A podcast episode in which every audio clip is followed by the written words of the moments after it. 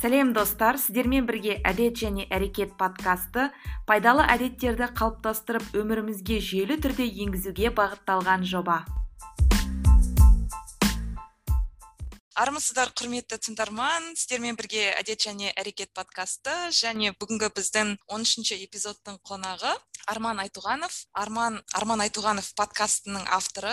Арман біздің подкасттың қонағы болуға келіскеніңізге үлкен алғысымды білдіремін. сәлем. Өзіңізді қысқаша таныстырып кетсеңіз. Шақырғаныңызға рахмет. Инженер. Мен де кбту да оқыдым. екі мың оныншы жылы бітірдім. мұнай саласынан. Сол содан бері өзім негізінде нефтяник болып жасап жүрмін. Содан бері ақтауда тұрамын ақтау қаласында. Ешқандай неде за рубежом западный университет ешжерде оқыған жоқпыз содан кейін сразу университет бітіріп жаңағы тоже қазір енді басында неде бастадым местный шарашкада бастадым жағдай онша болған жоқ құдайға шүкір енді содан кейін нормальный неге түсіп жаңағы зарубежный компанияға түсіп содан бері зарубежный компанияда жұмыс жасап жүрмін мен де мысалы жаңа айттыңыз ғой арман айтуғанов подкаст деген ол да осы карантин кезінде бастадым оның алдында мен екі мың он сегізде ма ютубқа просто видеолар түсіріп бастадым маған кітап оқы не істеген ұнайды да өзім баяғыдан бері кітап оқимын соны қандай кітап оқыдым и кино сериал деген сияқты заттар қысқа қысқа сондай не істеп жүрдім да. Бірақ менде баяғыда подкасттар ең бірінші шыққан кезде жаңағы apple подкаст деген ең бірінші приложение шықты ғой. Қашан? Екі мың нешелерде ондарда ма он бірдерде ма? Сол кезден бері жаңағы подкаст тыңдап жүрдім да ана әртүрлі жаңағы психологтарды сосын ол жерде ол кезде языковые курсы не болды өте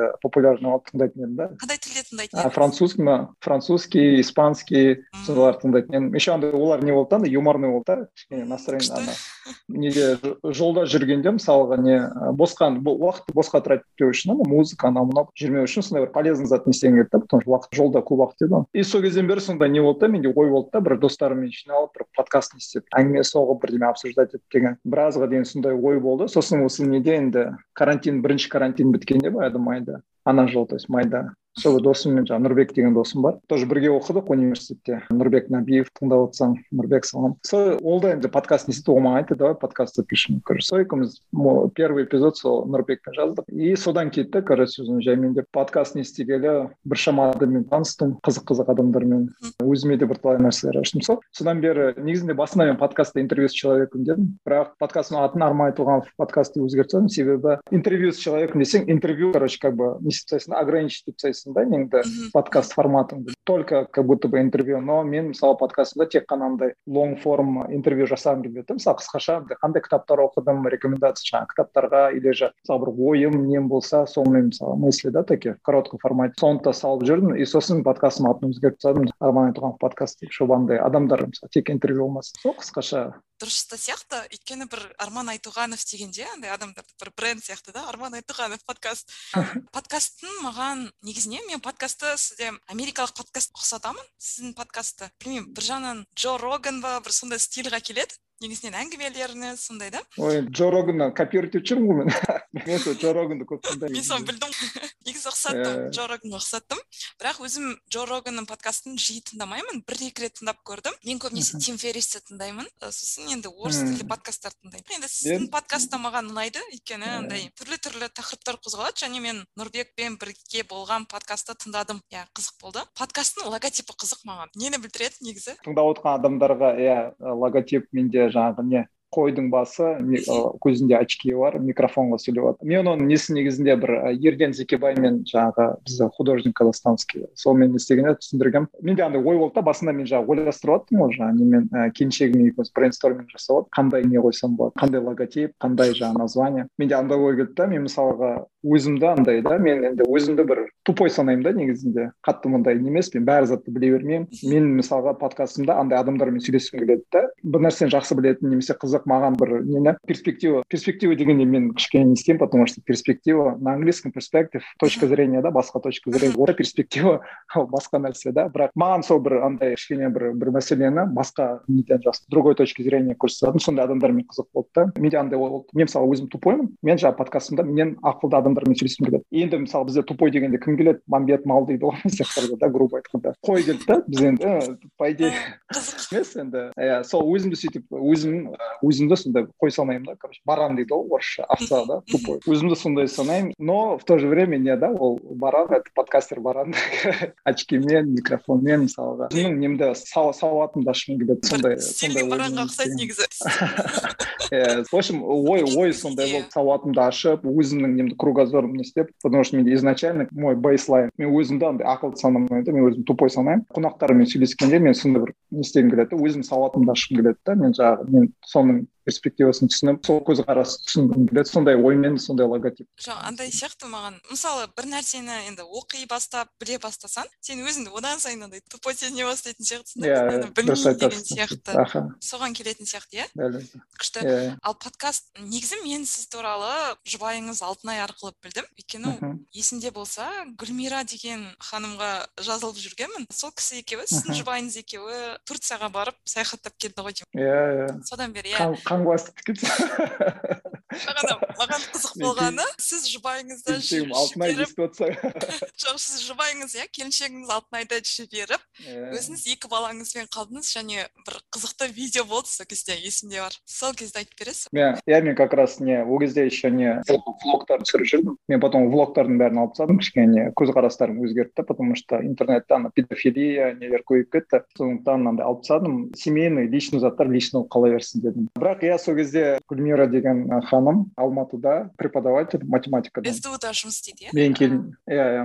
Менің келіншегім екеуі сол жақсы дос. Сол гүлмира ол алматыда мен келіншегім екеуміз енді соответственно ақтаудамыз да. Сол екеуі жаңағы не істеп интернет арқылы келісіп неге бармақшы болады түркияға бармақшы болады стамбулға қыдырып ну енді хорошо окей келістік базар жоқ бара бер енді ол жағынан андай ну как бы открытыймын да барғым келе ма пожалуйста главное енді бір жағынан еще плюс не болды жаңағы гүлмира өзі осы шатаспасам түркияда оқыған сияқты жаңағы түркияны біледі да жақсы біледі түрік тілін біледі сол жақта иә достары нелері бар болған соң андай кішкене чувство безопасности болды да и қиналған жоқпын да поэтому пожалуйста как бы без проблем екі баланы алып қаламын деп короче не істеді үш күнге ма кетті сол балдармен қалдым и сол кезде как раз ой келді да менде мен де как раз сол кезде просто ютубқа видео түсіріп жүрдім ғой почему бы не снять да как бы как эти дни прошли деген влог ретінде түсірдім да. Енді басында енді андай кішкене не жасағым келді юморной нәрсе да енді үш күн балдармен қалу керекпін ғой. И үш күн енді соответственно отпуск алу керек жұмыстан. И мен енді жұмыста бастығыма барып айттым да короче былай солай.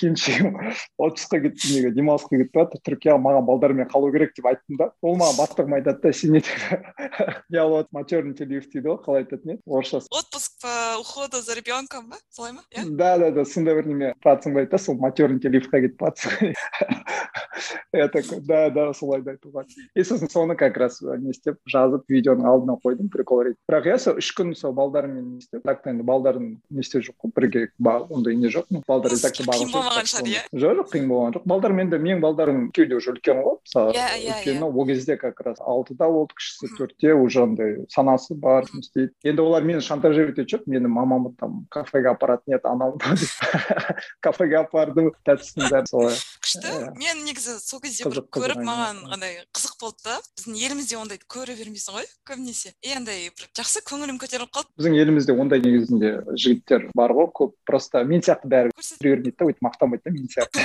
Иә. А так былай қарасаңыз жастардың арасында әсіресе не ғой менің ойымша қазір бар сияқты. Просто қазір бүкіл мына не кішкене басқа жаққа кетіп қалсам қазір мына насилие көбейіп кетті ғой. Иә пандемияның кезінде андай кішкене не істейді да тем более мына закон да с этими кейде андай нелерді сайттарды оқып жатсаң мысалы еркектерді обобщать етіп еркектердің бәрі сөйтіп да жамандап тастайды да. Вот там еркектердің бәрі только занимается насилием дейді да. Еркектер бар енді өйтіп жасайтын шыны керек та мысалға. Жаман нәрселермен айналысатын әйелдерін соғатын балдарын соғатын. Ол енді шын енді ол большинство емес та. Менің нем айтқым келгені сол да. Андай семьясын жақсы көретін ұрмайтын соқпайтын істемейтін ондай еркектер менің ойымша большинство да. А малый процентаж это вот эти вот малый процентаж это вот эти вот да хайуандар да жаңағы семьясын поэтому ондай мен де оған сенемін. Ондай адамдардың проценті көп дегенге сіз мысалы осы универ кезінде осындай бір жеке даму сондай болды ма негізі? Жоқ ол жұмыс істеген кезде пайда болды ма? Қай кезде пайда болды? Бір түрлі енді мотивациялық кітаптар оқып неше түрлі бір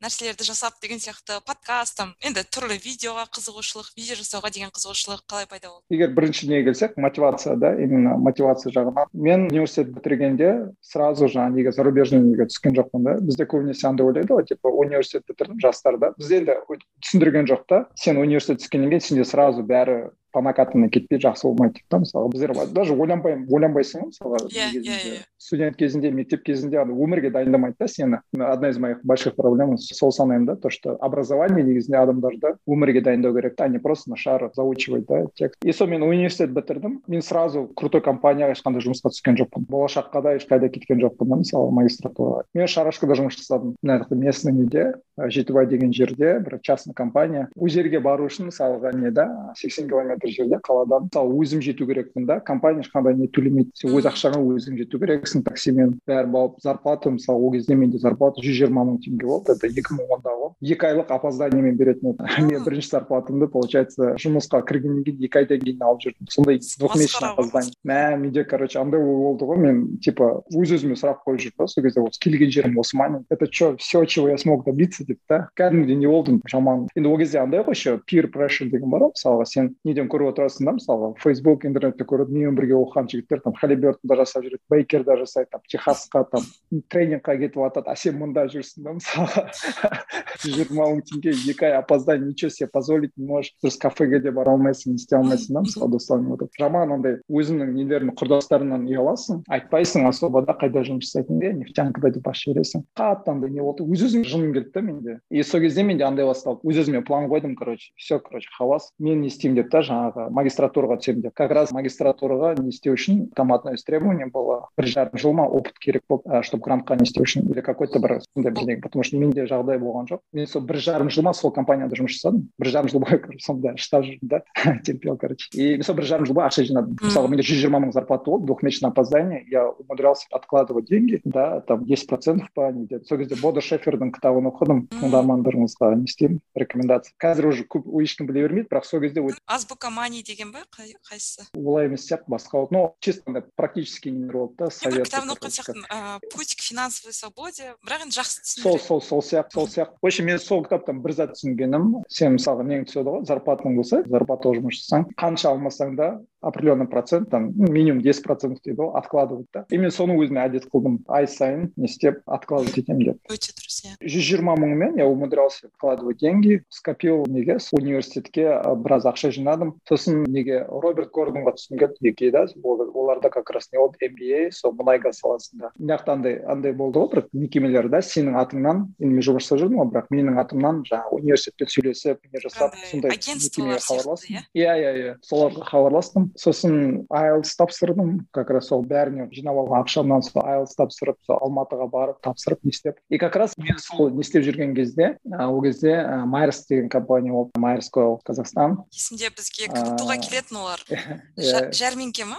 Джоб фейр деген болатын бізде? Иә иә джоб соларға келетін сол майерс деген иә. Иә сонымен как раз мен неге мысалға қазір не болады лессон да тыңдармандарыңызға мен сол кезде майерске неге олар операторлар жиналады. А мен оператор болып жасап жүрмін жаңағы шарашкада операторға набор болады мен тапсырдым резюмемді бірақ өтпей қалдым. Маған в общем білмеймін өтпей қалдым операторға. Енді настроением түседі кисляк базар жоқ. Бірақ окей хорошо забил. Дальше универмен мақсат сол болды ғой дальше кеттім как раз сол параллельно мен жаңағы университетке уже дайындалып бастағанда жаңағы документтер жинап айлс тапсырып не істеп бастағанда майерс қайтадан мына жақта үлкен жаңағы бұрғылау жұмыстарын бастап маңғыстауда. И олар как раз инженерлер жинап жатыр вахтовый методпен жасайтын. Оқуға кетіп бара жатырмын тапсырып көрейін бірақ жұмысқа баратын ойым жоқ. Иә мен мына жаққа неге оқуға кетейін деп жатырмын. Сондай немен просто тапсыра салдым? Өттім. Екі ай бойыма не интервью болды. Біраз там жауап бермей уже. Менде андай үміт болған да жоқ. Даже өтемін ғой анау тапсыра салдым. Интервьюлардан өттім не істедім. Сосын хабарласты принимаем деп. Сосын мен ойландым короче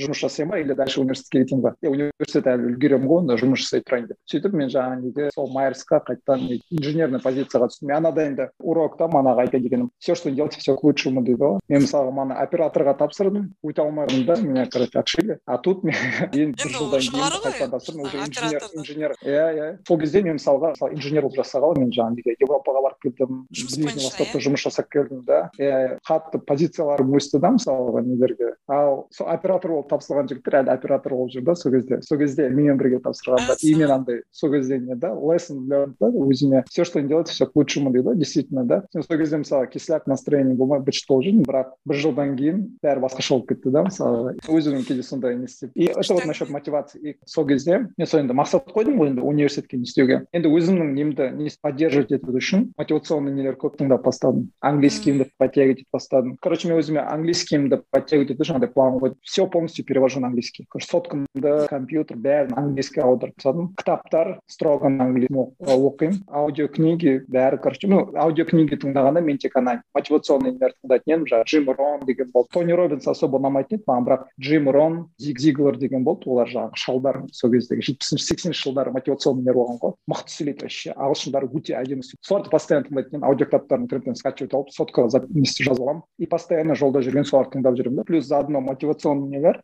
и вторая польза как бы английский да чтобы слух привыкал. Кітаптар оқығанда постоянно енді словарьмен немен оқып отыратын едім да сөйтіп английскийді для тех слушателей которые там ищут быстрых способов выучить английский. кеңес екен мынау деген кәдімгідей енді көбісі андай ағылшын ғой. Көп адамдардың енді проблемасы ағылшын. Сіздің методыңыз маған қатты ұнап тұр. Біздің тыңдармандар құлағына алтын сырға. иә ол енді қиындау болуы мүмкін потому что қазір енді бәрі андай жеңіл жеңіл жол іздейді ғой сразу там хотят там английский за пять дней там за неделю деген қазір көп андай сондай центрлар бар да мен саған бір айдың ішінде ағылшын үйретемін мен менің ойымша оның бәрі өтірік та сен бір айдың ішінде үйрене алмайсың сен конкретно ағылшын тілін үйренгің келсе мысалы сол елде өмір сүру керек та конкретно иә чисто ағылшынша и вообще андай орысша сөйлейтіндермен вообще общаться керек потому что сен қасында окружениеда сен за рубежом ешсің сондай орысша қазақша сөйлейтіндер болса сен сөйлемейсің ағылшынша қойды сен сол жақта жүре бер мен мысалы сондай не болды енді мен енді білмеймін енді может мен қиын жолмен барған шығармын кейбіреулер мүмкін жеңіл жолмен барған шығар бірақ маған ол сол эффективно болды енді біраз отырдым жақта кітаптармен словарьлармен істеп. Но зато мен соны постоянно словарьмен отырған үшін менің жаңағы словарный запасым көбейді аудио кітаптар тыңдаған үшін жаңағы слух үйрендім сосын киноның бәрін ағылшынша қараймын строго в оригинале да мысалға.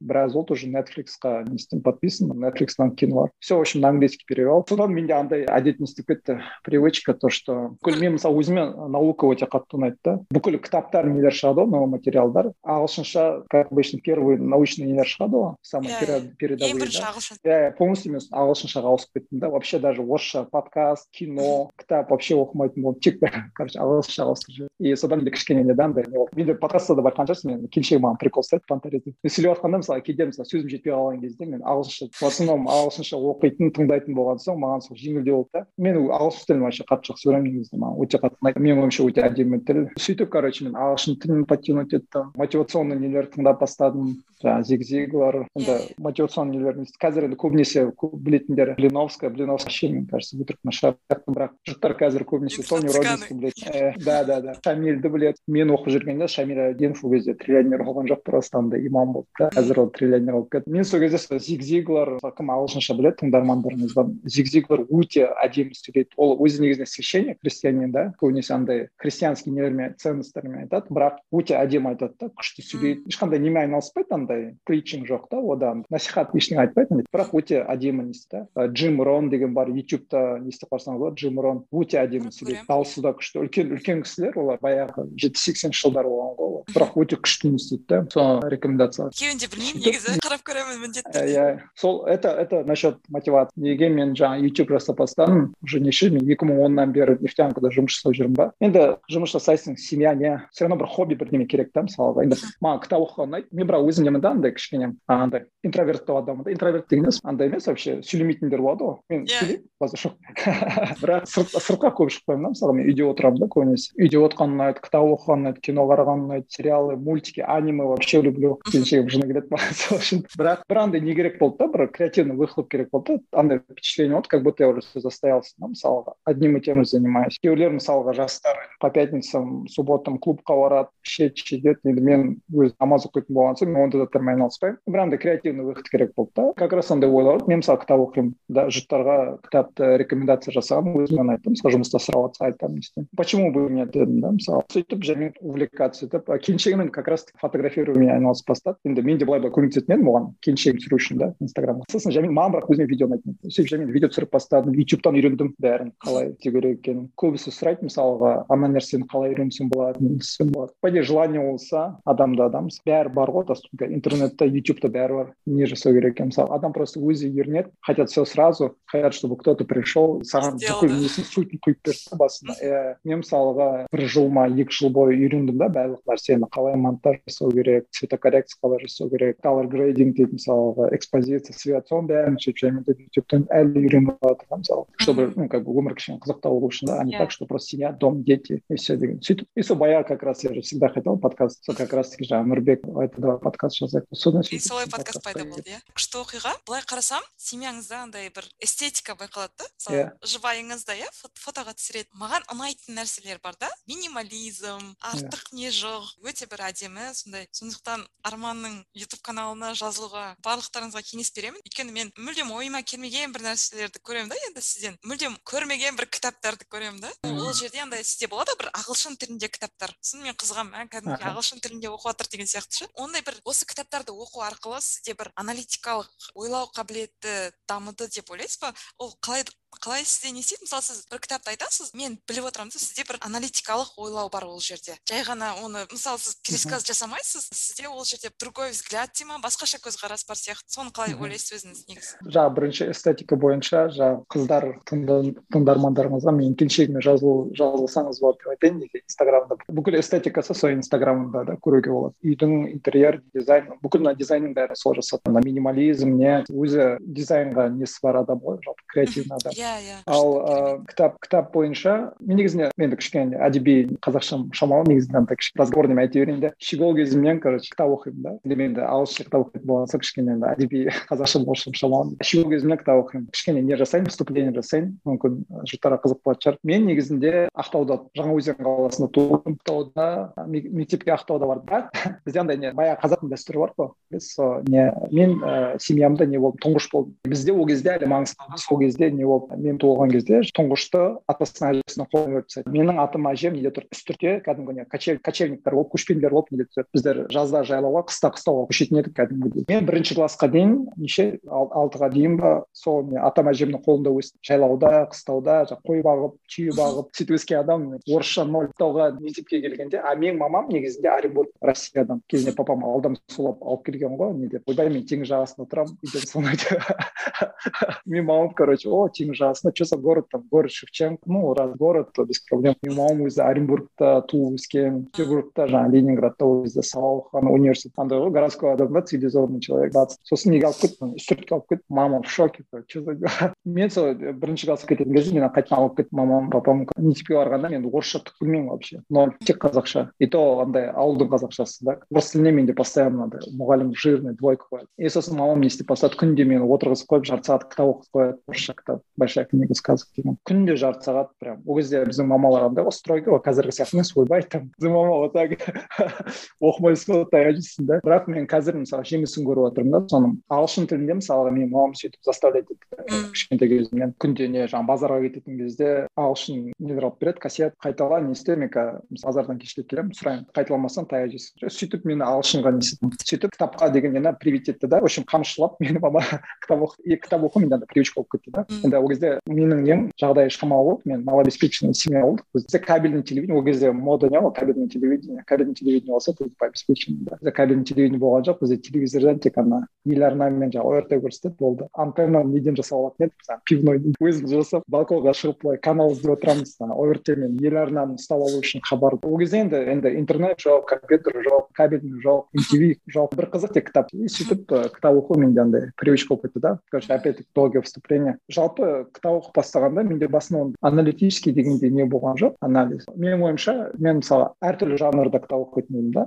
Менде каждый раз жанр меняется. Мысалы бір кезде детектив оқысам потом шаршап кетсем фантастика оқимын фэнтези оқимын. Маған вообще фантастика фэнтези қатты ұнайды да. Потом андай нон фикшн да мысалы ғылым жайында или же просто проза биография мемуар адамның өмірбаянын оқып мен әртүрлі адамдардың өмірбаяндарын оқып не істеп мен кішкене санам ашылып бастады десем болады да. Уже такой кругозор кішкене істеп әртүрлі адамдардың өмірбаянын әртүрлі кітаптар оқыған соң мысалға научный фантастикада мен оқығаным андай болды да. Немен мысалға пришельцтермен контакты. Андай уже андай қылып не істеп бастайсың да? То что кейбір романдарда андай қылып көрсетеді да то что пришельцы они в принципе не враждебные да жақсы да адамдардың арасынан андайлар болады да. Біреулер болады не они хорошие олар демек кейбіреулер болады нет ойбай біз оларды өлтіру керек та главный герой енді түсінгісі келеді соларды не істегісі келетін болса сен енді главный геройға не істейсің ғой. И андай бір эмпатия пайда болады да. Уже андай с детства андай вырабатываться бастайды да то что бізге ұқсамайтын адамдар это не обязательно враги да. Мысалға қазір большая проблема да америкада мысалы ойбай расизм не расизм дейді да. Менің ойымша балдар егер кішкентай кезінен сондай кітаптар оқып қалса да гарри поттер сияқты да. Маглы маги они не враги да олар могут быть нашими друзьями. Сондай бір не не істеп бастады что мы все в принципе адамзаттың баласымыз бәріміз де біріміз деген сияқты да. Бір бірімізге ұқсамасақ та это не значит что они не наши или враги деген сияқты сондай бір нелер не істеп бастады сіңіп бастады да бірақ еще плюс енді мен енді әртүрлі жанрда оқып болған соң кішкене өсе келе уже сана кіріп бастағанда уже жиырма бестен асқаннан кейін жиырма беске дейін вообще сана жоқ та басшысына. Уже кішкене андай сен енді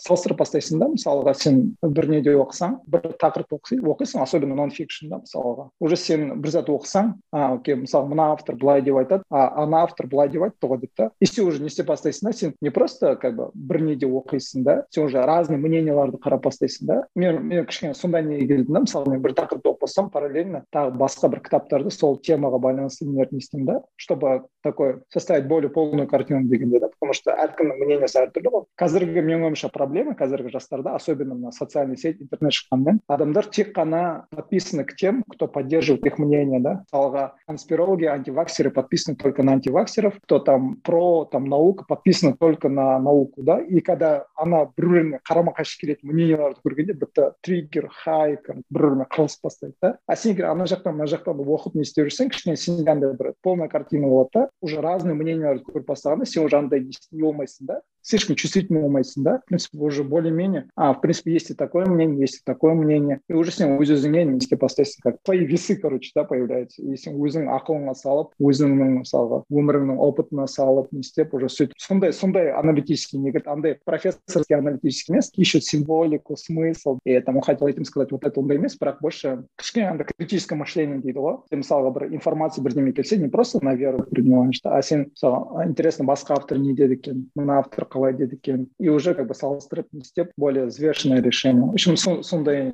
сондай кішкене нелер келіп бастады бірақ ол енді емес это не такой да навык который сен бір келді бітті до конца сондай қалады да ол постоянно не істейді мне кажется сен lifelong education дейді ғой сен өмір өмір бойы сондай не болады да сен постоянно че то өз өзіңе бірдеңе ашасың табасың негізі қазірдің өзінде мен де сондай әртүрлі адамдарды ойлап жүрмін. Түрлі адамдарды оқып жүрмін да. Мысалы инстаграмда да болсын әртүрлі адамдардың мнениясын білгім келеді да енді мысалы айтады ғой андай діннің өзінде де біз мұсылман болсақ та тек қана құранды оқымай басқасын да оқып көр дейді да мысалы библияда не жазды деген сияқты. Иә вот тауратта не жазды мүмкін олар енді полный картина болу үшін да сенде барлығын енді оған әлі мен жеткен жоқпын оның барлығын оқуға. Енді алдағы уақытта болады деп ойлаймын. Енді подкастер болған соң кішкене істеу керек қой публичный мнениені біліп отыру керек. Разный қандай дискуссия не болып жатқан соң. Иногда надо быть в курсе событий. Білмей отырсаңыз да тоже не да мысалға қонағыңыз келіп мысалы бірдемені обсуждать еткісі келеді. Е там анау тема не болып жатыр мына тема не болып жатыр и ты такой не в курсе жауап береді поэтому иә иә барлығын публичный личность болған соң ондай жерлерді біліп отыру керек дұрыс иә толықтай келісемін бір видео қарадым сізден земля плоская деген жер жалпақ па.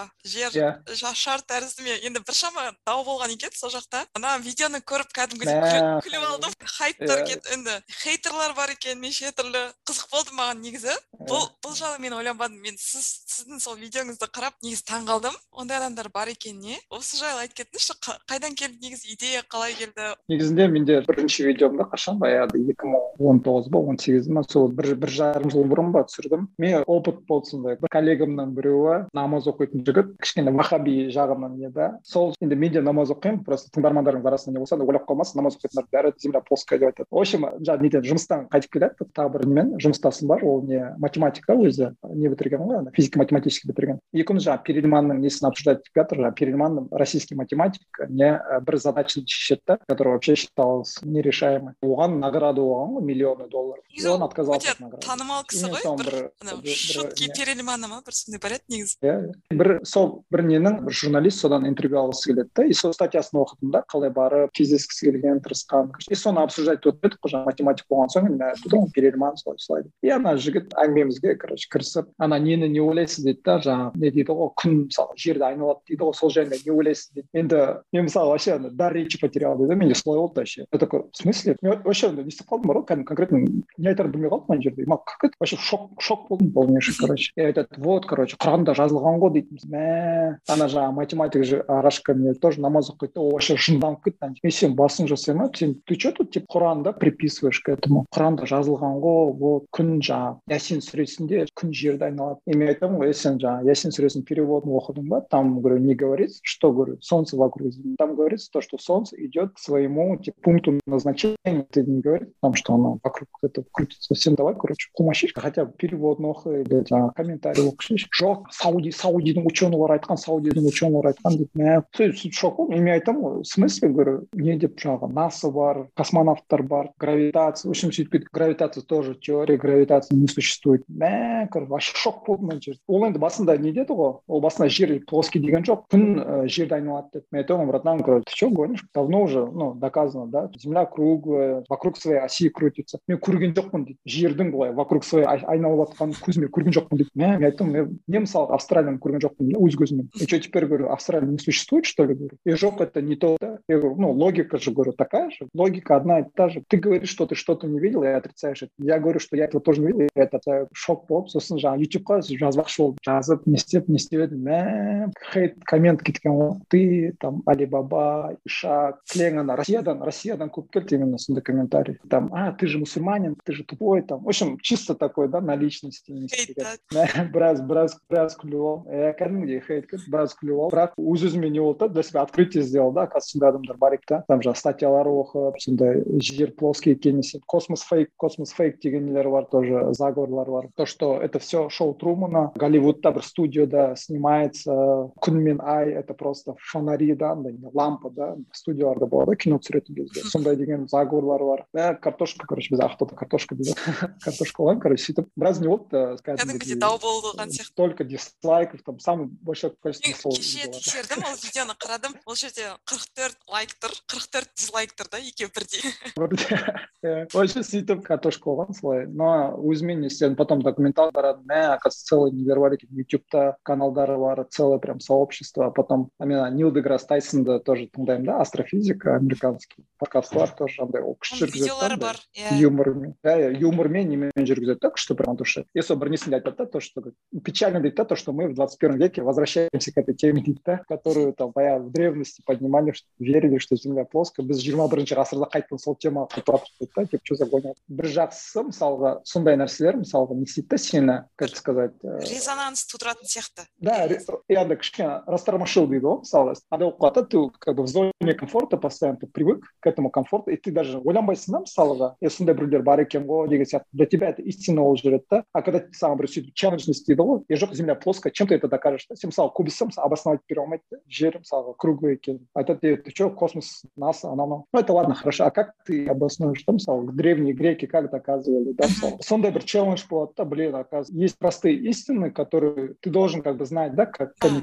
а не принимать это да и сондай бір маған бір урок урок болды да надо быть готовыми зона комфортада жүрмеу керек та бір нәрселер өзіңе істеп челлендждар жасап жүру керек та. И в общем сол жағынан андай плюс болды да мысалға андай неге қарағанда. Келісемін мен өзім ойлана бастадым негізі. Мән бермеппін андай бір не сияқты көрінеді ғой бір ақиқат сияқты. Енді сен оны қарастырмайсың да ондай адамдар бар екенін. Енді одан кейін кішкене таң қалдым иә қызық болды. Енді подкастқа оралайық иә. Сіздің подкастыңызда мен бір он шақты эпизодын тыңдадым. Бірақ эпизодтар өте көп. Қазір қанша эпизод бар? Так общий ма? жиырма сегіз. Жиырма сегіз иә. Иә біршама неше түрлі маған ұнағаны әртүрлі ойдағы адамдар келеді да. Енді осы подкаст жайлы айтайықшы қандай қонақтарды қалай табасыз қалай іздейсіз таныстарыңыз ба? Және енді түрлі түрлі тақырыптар қозғалады да. Андай бір ғана не емес ойыңды өзгертетін адамдар бар ішінде. Сол жайлы айтып кетсең маған приятно слышать такое что бір андай польза не бар екен. Бірақ мен мысалы подкасттар мысалға мен главное правило менде қонақтарымды іздеп не істегенде шақырғанда маған қызық болу керек та. Мен өзім өзімді қандай тема қызықтырады сондай теманы сондай адаммен сөйлескім келеді да енді андай болады конечно темптейшн дейді ғой. Андай политический или трендовый темалар не істегім келеді да бірақ бізде трендта кілең андай. Қалаулым там найнти уан реакция бір болайық бірдеңе ондай жасағым келмейді да потому что түсінемін иә иә түсінемін өйтіп сен мысалға алгоритммен не істесең жағымды нәрсе жасасаң сен быстро там наберешь просмотры лайки ананы оны түсінемін да бірақ өз өзіме андай не жасағым келеді да мен бір качественный контент жасағым келеді да даже оны мысалы көп адам көрмесе де но бір какой то бір бір пользасы по крайней мере по моему да бір пользасы бір несі болатын бір адам болсын иә и поэтому мен қонақтар іздегенде иә иә и қонақтар іздегенде мен мысалы сондай немен оймен іздеймін да. Мысалға мені әртүрлі тақырыптар мысалы қызықтырады да мысалы өзім жаңағы мана айтқандай кино сериалы аниме аниме вообще қатты жақсы көремін да мысалы кітаптар разные эти наукамен наука жаман қатты ұнайды да мысалға маған науканы істейді ученыйлармен сөйлескім келеді космос вообще ұнайды маған сондай нәрселермен и соған қатысты мен мысалы сондай әртүрлі жанрда кітаптар оқитын болсам сондай сөйлескім келеді да мысалы ученыйлармен писатель ермек тұрсыновтың нелері кішкене ұнайды да кейде ойлары нелері мысалға. Сонымен де сөйлескім келеді бірақ енді ол ондай адам саған істемейді да келісе қоймайды да сен өзің знаменитость болмасаң саған келіспейді да олар. Жұлдыздар да мысалы келісе қоймайды да мысалы бірақ менің андай ойым бар да то что әрбір адамның өзінің бір қызықты историясы бар да өмірінде. Любой адамды алсаң мысалы әрбір адамның бір реально бір күшті несі бар да өмірінде айтатын үйрететін нәрселері бар. Недавно менің келіншегім мысалға бір клиент кісі болды фотограф. Келіншегі фотограф жаңағы клиент кісі блогер бірақ андай не өте қатты не ауырады екен да? Мысалы бірақ соған қарамастан да андай блогингпен айналысады денсаулығының несіне қарамастан мысалы бір жетістіктерге жетіп жатыр да? Мысалы вдохновляющая история да? Ондай адам көп та бізде? Олар бәрі атақты емес. Yeah. Иә, біздің мысалы құтақандай мына ақтауда мысалы өзен болсын бейнеу болсын да? Бәр жерде сондай адамдар бар да? И мен сондай адамдармен сөйлескім келеді да? Бірақ енді бәрі келісе бермейді. Сіздің сұрағыңызға жауап бергенде мен жаңағы қонақтарды іздегенде маған өзіме қызықты адамдарды іздеймін да өзіме қызықты тақырыптар жайлы сөйлескім келеді. Не обязательно менің ой қарасымдағы бірдей адамдар да мысалға менің ой қарасым вообще қарсы адамдар да болды мен мысалға өзім діне намаз оқитын адам болғанмен ученыйлардың бізде көбінесе андай не да құдайға сенбейді эволюция жайлы yeah. маған вообще проблема емес. Мен мысалға ученыйлармен спокойно сөйлесе бере аламын. Мен андай слишком чувствительный болып кетпеймін да олар мысалы менде подкастта бір екі ученыйлар болды олар айтып жатты да мысалға мен там намаз там діни адамдар мынандай мынандай деген маған вообще пожалуйста әсер етпейді әсер етпейді да мысалы потому что ол өз адамның несі. Это сол адамның опыты да. И менің опытым мынандай мысалға. Бірақ маған мен ол адаммен сөйлескенде маған оның несі қызық та мысалға. Наукаға қандай несі бар? иә? Иә сондай нәрселерге қарау керек та андай слишком чувствительный болмау керек та қазіргі проблема мне кажется сол да. Адамдар нереально чувствительный да. Любой бір ұнамайтын нәрсені айтты ма бітті. Ты задел мои чувства короче все мен әртүрлі адамдармен сөйлескім ұнайды мысалға мен джо роганды көп тыңдаймын. Джо роганда мысалы құдайға сенбейді. Ол мысалға қонақтардың көбісі де мысалға атеисттер андай діни адамдарды олар андай креационисты креационист деп олар прикол ұстайды да үстінен күледі. Маған бәрібір меня это не задевает да маған больше интерес субстанция их разговора дейді ғой. О чем они говорят? Какие темы обсуждают? Мысалға джо роган өте әртүрлі қонақтарды шақырады да. У него такой букет можно сказать да. Ол мысалы адамды түсінгісі келеді да. Әртүрлі көзқарасты адамдарды шақырғаннан андай сен кішкене андай diversity of views дейді ғой андай. Әртүрлі көзқарастарды өзің несесің да байқайсың. А қазір былай ойлайтын адамдар бар былай ойлайтын адамдар бар. Мысалға джо роганда мысалы үлкен мықты ученыйлар болды. Брайан грейн шон кэрол ученый физиктер болды ученыйлар болды да мысалы космонавттар болды айтатындар мысалға бір космонавт болды ол айтады мен мысалға құдайға сенемін дейді да я вот смотрю говорит когда даже в космосе был магнитные поля вот эти никто не знает да қалай эти магнитные поля появились и я говорит ну не может быть такого дейді да чтобы оно само собой все появилось или мысалға брайан грин жаңағы физик бірталай кітаптар жазған ютубта да несі бар ол айтады мысалға мен бірталай нобелевский лауреаттарды білемін дейді да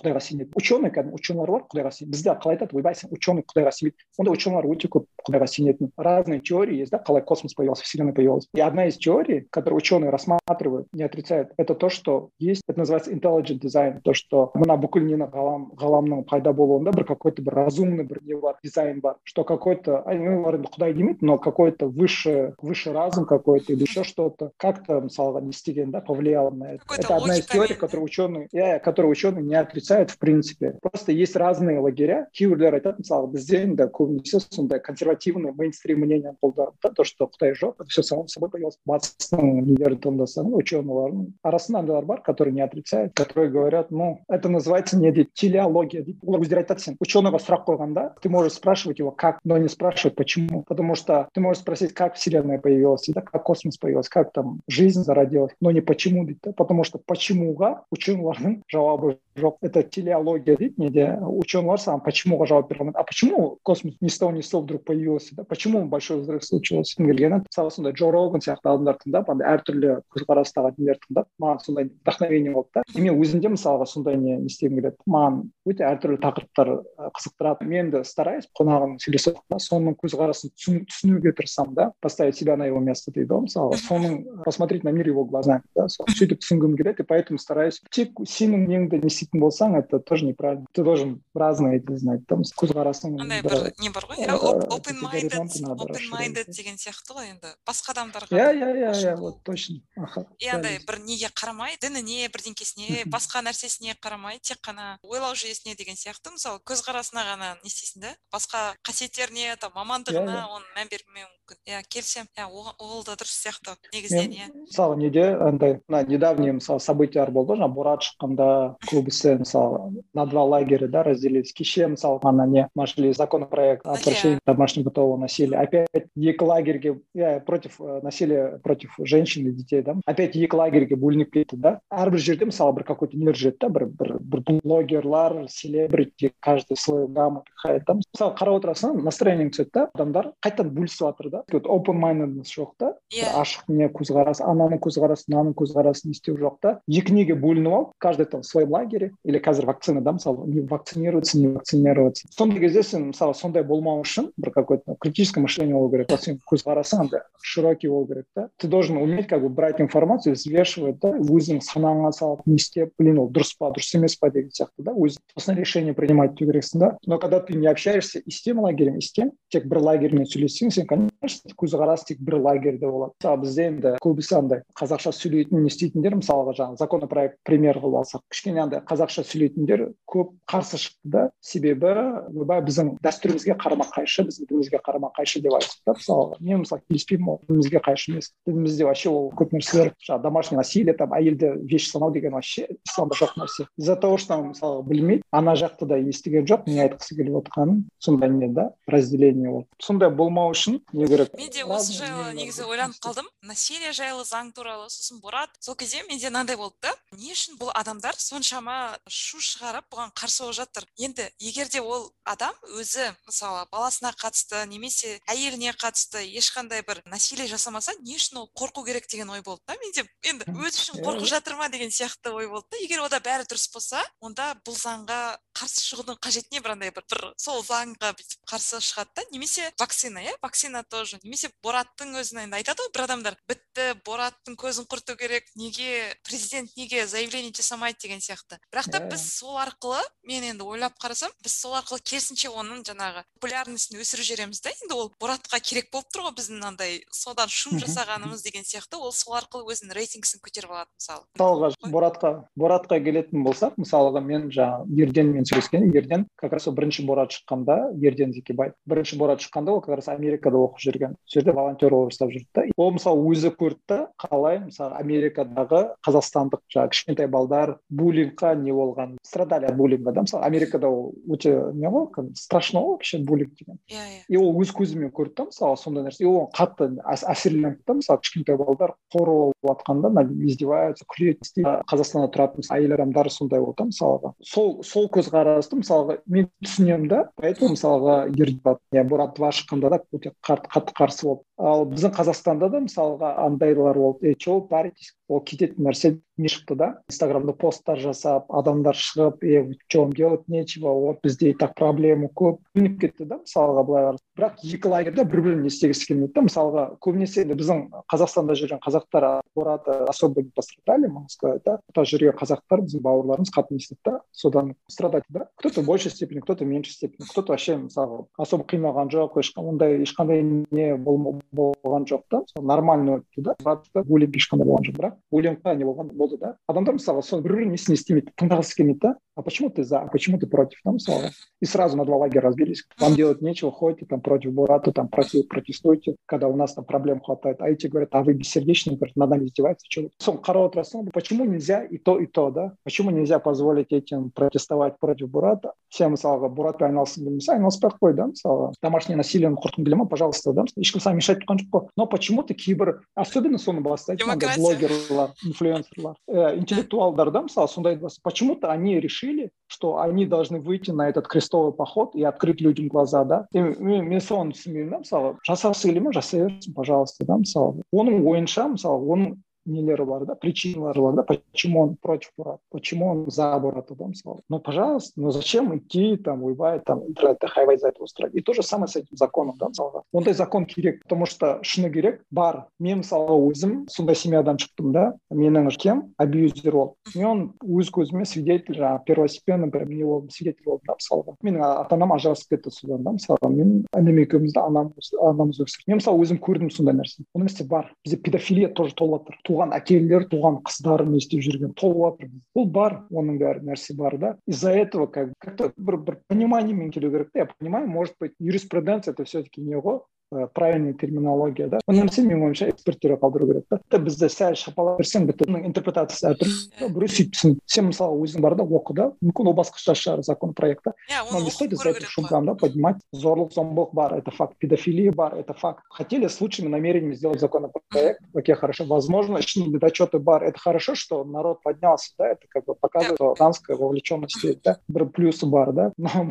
опять халықтар бөлініп кетті да мысалы ойбай там анау жоқ жоқ мынау жоқ там бір ютубта бір видео көрдім кім еді? Қызық таймстың бір ведущийі ма юристтарды жинап алып видео түсіріп вообще в тренде болды кәдімгі жаман не істедім ойбай деп андай неге эмоциональный риторика да? Есть такие понятия logical fallacies деген бар. Logical fallacy это логический ошибка. Да древний римда риторика өте қатты дамыған бәрін сөзбен жаңағы ораторское искусствомен не істейтін болған да. И сол кезде одно из самых эффективных способов адамға повлиять это надавить на эмоции. Но это считается логической ошибкой потому что сен объективный болу керексің да сен фактпен yeah, істеу керексің да?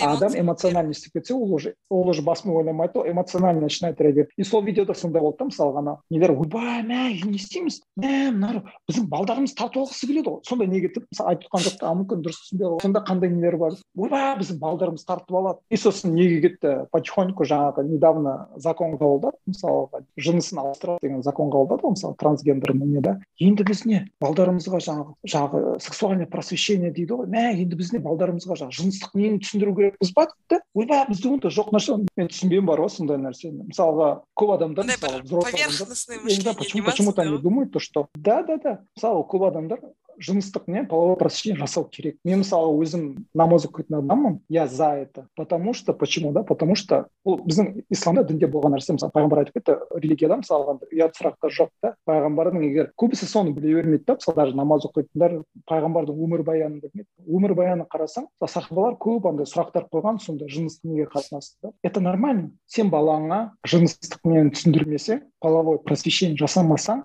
әке ұл баласына түсіндіру керек мамасы қыз баласы керек жасы келген сен оны түсіндірмесең бала все равно оның бәрі біздің взрослое поколение родители они там мысалы көп үлкен поколениенің андай такое впечатление как будто никто из этих людей родители в свое время там порнографию не смотрели да? Там мысалы подросток болған кезде вот эти там қазір өздері мысалға жас кезінде сондай нәрселердің бәрін қарап қызы да баласы да мысалға кейбіреулер қазір намаз оқитын шығар мысалға да? Мен сияқтылар но бірақ бәрі ондай тоқсан тоғыз процент оның бәрін жасады да мысалы но почему то өскен кезде өздерінің балдары болған кезде оны ойламайды ей мен іштім ғой кезінде не істедім ғой. И просвещать етпейді да сен просвещать ету керексің ғой сенің балаң сондай жасамау үшін да но почему то все у него дети автоматически какие то святые да оған ешқайсысына жоламайды ойбай сенің балаң ана жақта мен көрдім арақ ішіп жатыр шегіп жатыр сенбейді да мысалы поэтому родитель өзі не істеу керек та. Мысалы бізде көп случайлар болды. Балдар қазір балдарға әке шеше сотовый беріп қояды. Сегіз жасар балдар уже соткадан мысалы постарше балдар келіп набери там в сотке такую то вещь и уже порнографический материалдар қарап отырады сегіз жасар тоғыз жасар балдар это факт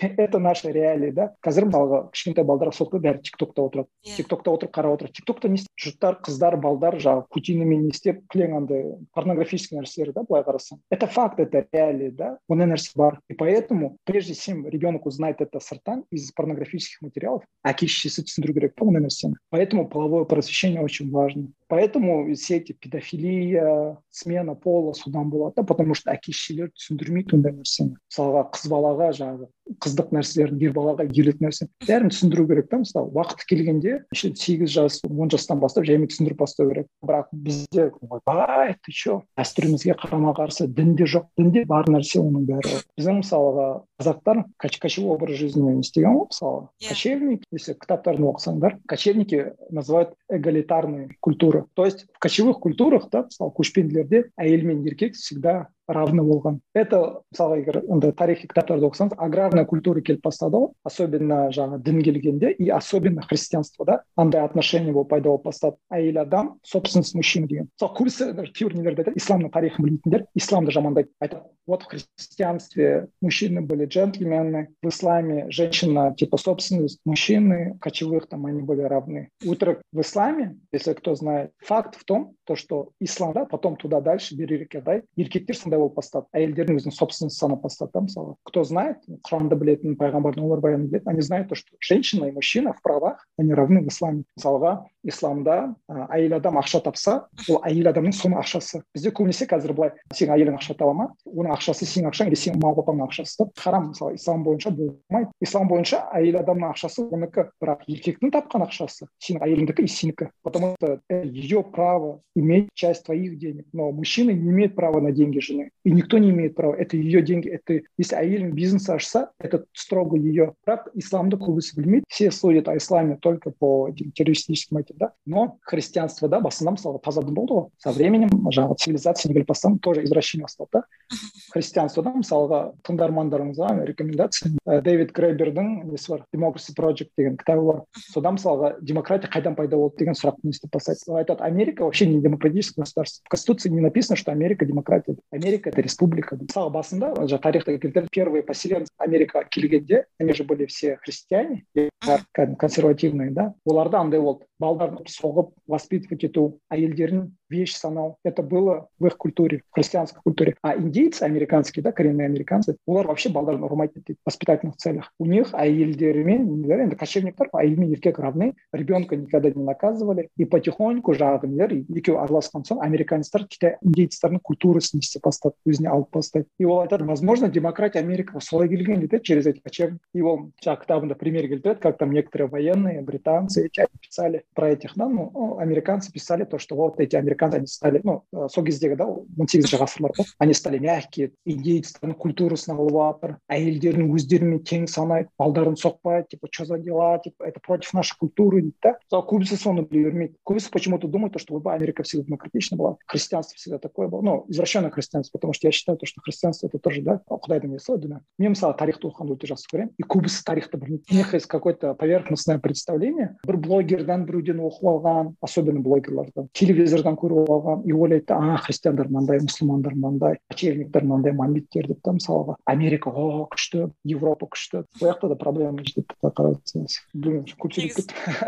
Ну в общем сол айтқым келгені сол да андай менде де сондай ой болған америкада демократия бар деген сияқты. Енді былайша қарасаң иә подкасттың сипаттамасына қосып қоямын. Осы кітапты тыңдармандарға пайдалы болады деген ойдамын. Енді көп маңызды нәрселерді айттыңыз. Кәдімгідей ойландыратын заттар да енді адамдарға ше бір видеоңызда айттыңыз да сіз мен балаларыма ментор болғым келеді деп. Бала тәрбиесіне қатысты бір екі ауыз сөз айтсаңыз қандай мүмкін бір балаларыңызға не нәрсені балаға үйрету керек деп ойлайсыз? Қанша жастан бастап сосын қандай мүмкін бір әдеттерді оларға үйрету керек шығар? Сол жайлы айтып кетсеңіз.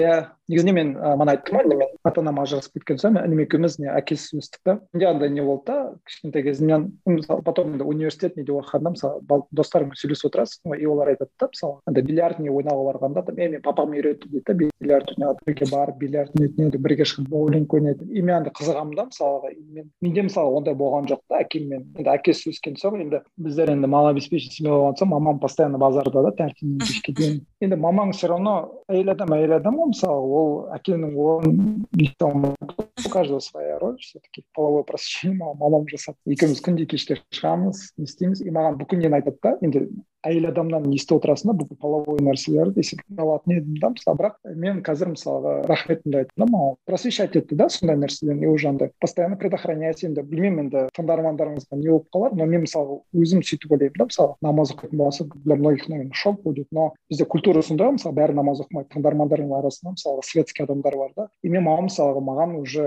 он бес жасымда соңғы кезде постоянно айтады. Уже студент болған кезде достарыммен сөйлесіп отырғанда көресің да. Олардың да әкелеріне не болған да андай еркектік нәрселері шығып жаңағы достар сияқты бильярд үйреткен футбол ойнаған и мен соған қызығатын едім да. И мен уже сол кезде өзіме андай не жасап бастадым да андай. Мен мысалы ертең мен жаңағы семья құрғанда бала шағам болғанда мен мен балдарыма жақсы әке болғым келеді. Я не хочу быть таким каким мой папа был да которого никогда не было да в моей жизни мысалы который избивал мою маму да. Я хочу быть таким я хочу быть другом да мысалы кешіріңіз орысша сөйлеп кеттім бірақ мен мысалы балдарыма дос болғым келеді. Ана американский киноларда кейде көресіз ғой мысалы уже үлкен шоу болғанда да мысалы балдарымен дос сияқты сөйлеседі. Ақыл айтып не істеп бір біріне прикол ұстап мен кино көп қарайтын болған мысалы сондай не болғым келді менің сондай желанием болды да и поэтому сондай бір ментор не болғым келеді мен мысалға манада айтып кеттім ғой біздер мысалға кішкентай подросток кезінде талай нәрсені көрдік қой подросток кезде жындылықтың бәрін жасап шықтық та қазір енді ойбай кейбірі намаз оқып кетті кейбірі не істеп кетті сразу святош святош факт то что жынды болған кездерім болды ғой и мен, мен баламды ертең содан өтеді да. Қызым да баламды ертең шындылық кездерінен өтеді. Они тоже все это перепробуют. Мен балдарым енді мысалға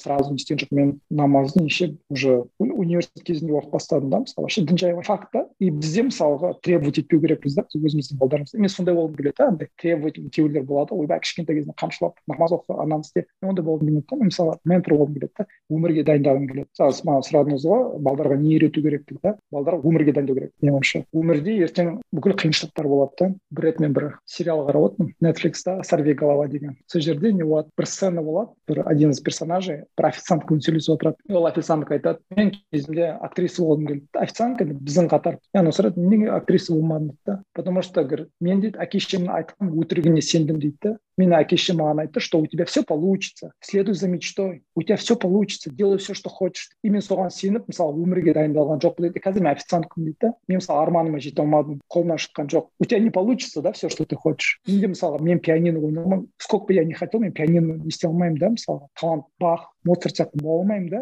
Қазір мысалы біздің қатарда америкада үлкен кризис болады мысалы егер подкасттарда мен кейде менің құрдастарым тыңдаймын да подкастерлер. Олар айтады они өздерінің әке шешелерін кінәлайды да из за того что әке шешелері оларды вырастили на лжи да самая большая ложь которую им сказали их родители это то что они могут добиться всего чего пожелают. Олай емес өмірде олай болмайды. Өмірде бүкіл қиыншылықтар сені ұрады соғады ауырасың қиыншылық болады. И мысалы мен джордан питерсонды көп тыңдаймын подкасттарын кітаптарын джордан питерсон двенадцать правил жизни деген бар. Тоже істеймін. Рекомендую. Соның бірнесінде бір правиласында айтады. Біз балдарды өмірге дайындау керекпіз дейді да өмірге дайындау потому что өмірде ертең өмірде не болады? Өмірде талай қиыншылықтар болады. Біз соларды өмірге дайындау поэтому андай балаң сыртқа шыққанда ойнап отқанда қазіргі родительдер қандай? Ойбай ойбай құлап қалады не істеп қалады аяғын жырып алады не істеп қалады слишком опекунствомен айналысады олай болмайды да негізінде потому что сенің балаң это же вот эта игровая площадка это как не дейді да мини жизнь да они учатся на этом преодолевать вот эти сложности страдания бір жерін ауыртып алады үйренеді дейді да сондай нәрсені істеу керек да да да а какие привычки мен өзім үйреніп жатырмын әлі мысалға да балдарға не үйрету керек екен по ходу дела менің ойымша бір не жоқ та бір предписанный мануал жоқ та как учить детей мен ондай кітаптарға вообще сенбеймін как вырастить хорошего ребенка мне кажется әрбір ата ананың өзі не істейді да по ходу дела үйренеді потому что каждый ребенок он уникальный өзінің несі бар мінезі бар менің ойымша өмірге дайындау керек өмірде қандай скиллстар керек болады төзімді болу ментал тафнес дейді да умственно ментально быть сильным да мысалға қиыншылық болғанда сдаваться етпеу ә қолымнан келмейді сондай нәрселерді үйрету да. Сондай скиллстарды сондай әдеттерді үйреткім келеді енді пока балдар құттай потихоньку стараемся на примере мысалы сабақ жасағанда спортқа беру керек да. балдарды мысалы когда не хотят заниматься сөйтіп поощрять етіп сөйлесіп былайша айтқанда мен енді байқасам сіз өзіңіздің жұбайыңызбен алтынаймен андай бір үлгі көрсетіп жүрген сияқтысыздар да и ол сен балаң айту маңызды емес та оған көргенін жасайды ғой енді. Мысалы сіздерден көріп жүр сіздердің кітап оқып отырғандарыңызды көреді күнделік толтырып отырғанды көреді планер толтырып отырасыз. И содан қарап олар да соны жасауы мүмкін да енді. Сондай деп ойлаймын өзім.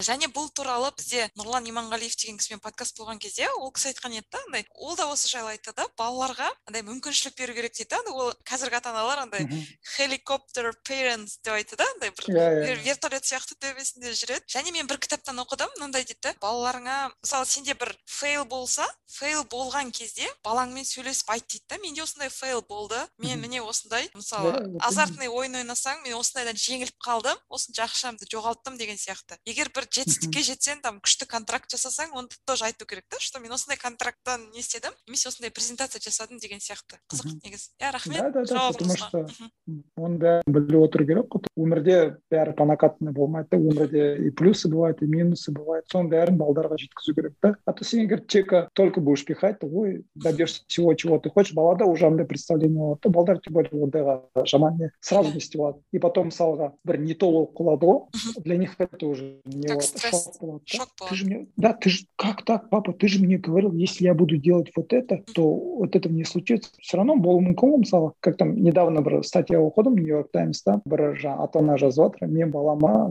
неше жасар жеті жасар ма тоғыз жасар баласына жаңағы ойбай коронавирус деп қорқытып тастаған ғой постоянно қолым жуып жүр коронавирус адамдар өліп жатыр деп құттай баласына соны айта берген да и баласы коронавирус болып қалған баласы шок дейді да для него это сақтандым ғой деген почему дейді да мама мен бүкіл иә мен сақтандым почему мен ауырып қалдым сен балаға түсіндіре алмайсың ондай нәрсені поэтому очень осторожно болу керек балаларға бір нәрсе түсіндіріп айтқанда очень осторожно болу керек ондай нәрсе мен осы жерде мынандай нәрсе сұрағым келіп тұр. бір подкастта тыңдадым да. Мысалы мынандайға қалай қарайсыз? Егер мысалы балаңыз балерина болғысы келеді дейік иә қызыңыз. Бірақ ода ол қолынан келмейді. Мысалы енді жасау келмейді. Сондай кезде енді балаға қалай не істеу керек? Оны ары қарай сенім білдіріп жалғастыр деп не істеу керек па? Жоқ қоя сал деу керек па? деген сияқты ғой. Мысалы соған бір кәдімгідей бір екі подкастер дауласты да. Қалай дұрыс деген сияқты заставлять ету керек па дейді да енді андай. Енді бір рет фейл болғаның ештеңке емес тағы да көр деген сияқты. Немесе қой дей салу керек. Қалай ойлайсыз? По идее субъективный нәрсе ғой мен бір неде не істеп едім. Балдар құттай кезінде до подросткового периода оларды поощрять ету керек дейді да. Любой нәрсесін да да да молодец деп не істеу керек дейді а подросток болған кезде уже челлендж ету керек дейді. Ол мысалы егер қандай балада мысалға ол егер кішкентай бала болса әлі сәби да жеті жасар алты жасар сегіз жасар. Енді оны кім судить ете алады? Тренер айта ала ма? Баланың қолынан дым келмейді деп. Ол да қиын да мысалы потому что не бар ғой знаменитая история. Битлз жаңағы битлзтың нелері бір солисттарының бірі қайсысы пол маккартни ма солар мысалы препод по учителю сказал сенің вообще қолыңнан дым келмейді сен қалай музыкант болайын деп жүрсің дейді да а потом он стал пол маккартни да битлз суперзвезда мен де естіген иә мысалға ол қиын нәрсе да оны кто может это судить да ондай кезде мүмкін баланың өзінен сұрау керек та бала жалғастырғысы келе ма если он хочет постараться пускай старается но родители тоже говорят постарайся но если бала прям не хочет қалам ну хорошо окей басқа нәрсемен көр да но мен бір кітап оқыдым қалай тейлор уилсон он төрт жасар бала который построил в лет атомный реактор. Называется атомный нуклеар бой ма бірдеме потом жазып жіберемін если что. Он төрт жасында он төрт жасында атомный реактор құрастырды тедта несі бар выступлениесі бар он төрт жасында атомный реактор построил мысалы ата анасынан сұрайды да қалай не істедің дейді да. Ол мысалы баласы кішкентай кезінен әртүрлі нәрсеге қызығушылығы болған они поощряли мысалы бір несі бар бес жасында туған күнінде жаңағы кітапта айтады папасы строительный таныстары болған ба или строительный компания жұмыс жасаған ба? Бес жасында туған күніне подарок сұрайды кран. Папасы айтады хорошо мен саған кран алып беремін дейді жоқ жоқ жоқ ойыншық кран керек емес дейді маған настоящий кран керек да и папасы жаңағы досына барады строительный не жасайтын и настоящий кранды не істеткісі рұқсат сұрап алады баласы отырып кранды не істейді да жаңағы автор айтады да енді потом сұрайды әкесінен как как вы думаете в чем причина успеха этого ребенка да баласына мысалы мүмкіндік берген возможность берген кішкентай кезінен бастап әртүрлі нәрсені істеді ол мысалы строитель боламын деді потом жоқ мен космонавт боламын деді потом анау деді ол да тоже ходил так скакал ну баласы өзі сам решал да чем он хочет заниматься потом жайменде мысалға несі әжесі ма несі рактан қайтыс болады а ракты не істейтін диагностировать ететін бір атомный немен бір не бар в общем бір изотоппен не істейді тексереді екен скрининг жасағанда ма сондай и он соны біледі да то что оказывается ондай изотопты жан жаққа жібереді екен и ол қараған ақша тұрады мысалы и ол айтады мысалы африкада қалай жасайды жасай алмайды дейді да потому что они не могут себе это позволить перевозка все это дорого дейді да ол андай деп өзіне не істейді да я хочу построить атомный реактор который будет доступен маленький портативный деп та и сөйтіп өзі не істеп бастайды изучать етіп бастайды главный фактор это в том то что родители позволяли ему делать все что он хочет да ну, не, не все конечно енді балдар әке шешесі қадағалап отырады ғой слишком рискованный нәрсе но иә иә мысалы балерина боламын дейді потом шықпайды хочу там гимнастика хорошо иди гимнастика займай хорошо этот хорошо то но когда уже подросток болған кезде бала сачковать бастаса уже челлендж ету керек намысына тию керек дейді древности да мысалға до модернизма подросток деген понятие болған жоқ қой половое созревание болған кезде мальчик считался уже мужчиной девочка считалась уже женщиной да и одна из проблем современной молодежи где көп жаңағы психологтар айтады это из-за того что их считают детьми да этих подростков потому что тело-то у них взрослое организм биологически они уже взрослые да бала туалады за то что взрослые их считают подростками в кочевых культурах ондай жоқ дейді в кочевых культурах их уже считают взрослыми соответственно олармен сөйлескенде де үлкен адам сияқты сөйлеседі дейді да ну конечно менде де мысалы дилеммам бар қиналамын да мысалы хотя бы отношения да уже подросток болған кезде сен уже взрослый адам сияқты сөйлесу керексің да. И соответственно ты же родитель у тебя обязанность бар ответственность бар сен оны челлендж ету керексің да? Если он не хочет заниматься очкует там мынау сен уже намысына тиіп бастау керексің да? Может иногда заставлять когда подросток. Мен балдарым әлі подросток болған жоқ так что мен андай авторитетно ештеңе айта алмаймын мүмкін подросток болғанда өзім өткенде көрермін бірақ пока что мен емес әрбір родительдің мысалы мне кажется өзі шешетін сияқты рахмет. Иә жауабыңыз пайдалы болды деп ойлаймын челлендж туралы айттыңыз ғой енді осы подкастқа сізді шақыруымның себебі де бір себебі ол сіздің челлендж жасауыңыз. Негізі маған қызық мен өзім челлендж жасағанды жақсы көремін өзіме эксперимент жасағанды жақсы көремін. Сізде мынандай челленджтер болыпты иә? отыз күн бойы таңғы бесте тұрдым деген сосын отыз күн бойы yeah. Иә. күнделік жүргіздім сосын қырық күн бойы веган болдым деген. Маған қызық. Yeah. Иә. мен өзім жасап көргенмін. Енді ондай отыз күн емес менде андай болды да бір отыз күн кофе ішпеймін деген сияқты отыз күн қант қолданбаймын немесе тағы. Енді веганство енді алты ай маған қызығы осы осы нәрседен сіз не алдыңыз? Осы нәрселердің бір сізбен бірге қалып қалды ма? Қалай болды қандай қиындықтар болды деген сияқты. Және идея қайдан келді? Негізгі мақсаты қандай? Мақсат ну во первых мен мысалға неден ютубта мэтт диавола дегенді көп тыңдайтын едім. Минималист андай. Ол тоже күнде челлендждер жасайды и тоже ой келді да андай почему бы не попробовать? Мен андай күнделіктер жүргізетін бірақ ондай регулярно емес. Енді пользаларын оқимын бірталай кітапта пользаларын оқыдым. Решил попробовать и заодно как бы контент да соны жасауға снять. Содан мен мысалға journaling да жаңағы күнделік жүргізгенде мысалға өзіме байқағаным мен негізінде күнделік жүргізу мен вахтада жүргенде басталды потому что вахтада стресс бұл жерде андай жоқ та ойбай там ұрыспа маған ты че ты право ондай жоқ.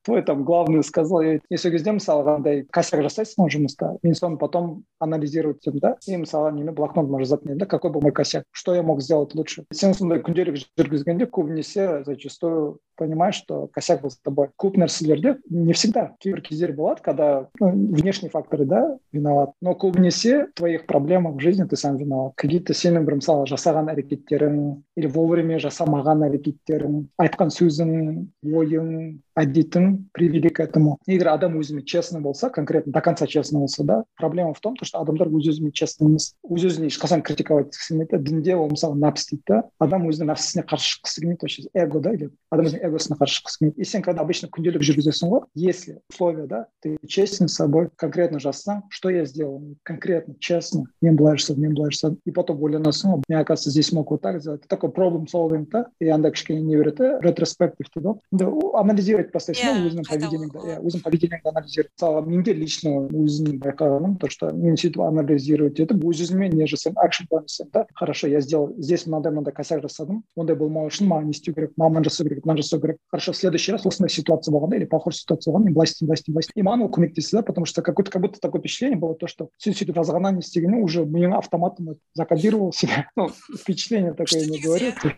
и сонымен вот и потом мысалға андай стрессовый ситуация болғанда басыңда постоянно ойыңда жүреді ғой не істейді да напрягать етіп может ғой постоянно басыңнан шықпайды да. Мен бір байқағаным сен басында тұрған нәрсе қағазға салып тастасаң потом басың уже тревожность не кетеді да депрессия анау мынау босатқан сияқты боласың иә басыңды бір. Иә босатасың да потому что қағазға жіберіп тастайсың да и все уф нормально күшті болып қаласың мысалы сондай нәрсені байқадым. Брейнсторминг планированиелерде өте күшті да сондай пользаларын көрдім сол челленджді жасағаннан кейін мысалы менде қазір андай привычка болып кетті да ежедневно. Еще одна из плюсов мен мысалы кітап оқығанда обязательно заметка жасаймын бізде мысалы мектепте үйретіп салған ғой кітапты не істемең ештеңе жазба менде мысалға андай кітап оқып отырғанда менде содан интересно автор не айтқысы келеді и сол жерге прям жаза беремін да кітаптың өзіне жазасыз иә жапсырып қойып сол жерге прям кітаптың өзіне жаза беремін иә мысалы автор не істеп жатыр менде қандай ой болды қандай не болды мысалға да внутренне этот или какое то сравнение да или анализ или я не согласен или с этим не согласен почему не согласен вот так вот так вот так вот так вот так здесь он там автор мынаны айтып отыр интересно типа надо будет там поискать да сондай мир не істеп қоямын да? Сөйтіп не істегенде сен уже кітаппен андай энгейджмент жасап жатасың да? Сен уже не просто тупо читаешь через себя а потом дастарханның басында понтоваться етпейсің да мен мынандай кітап оқыдым болды а ты реально как бы критически уже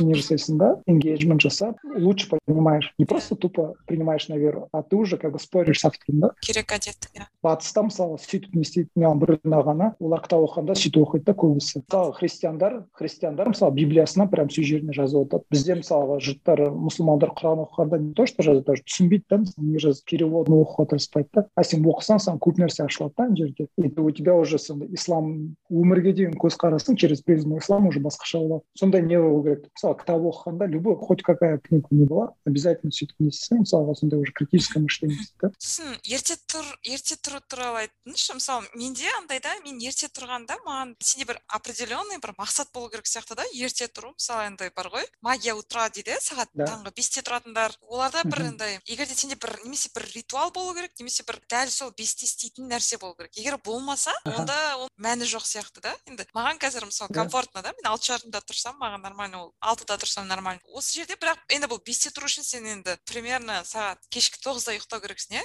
Сегіз сағат болу үшін деген сияқты ғой.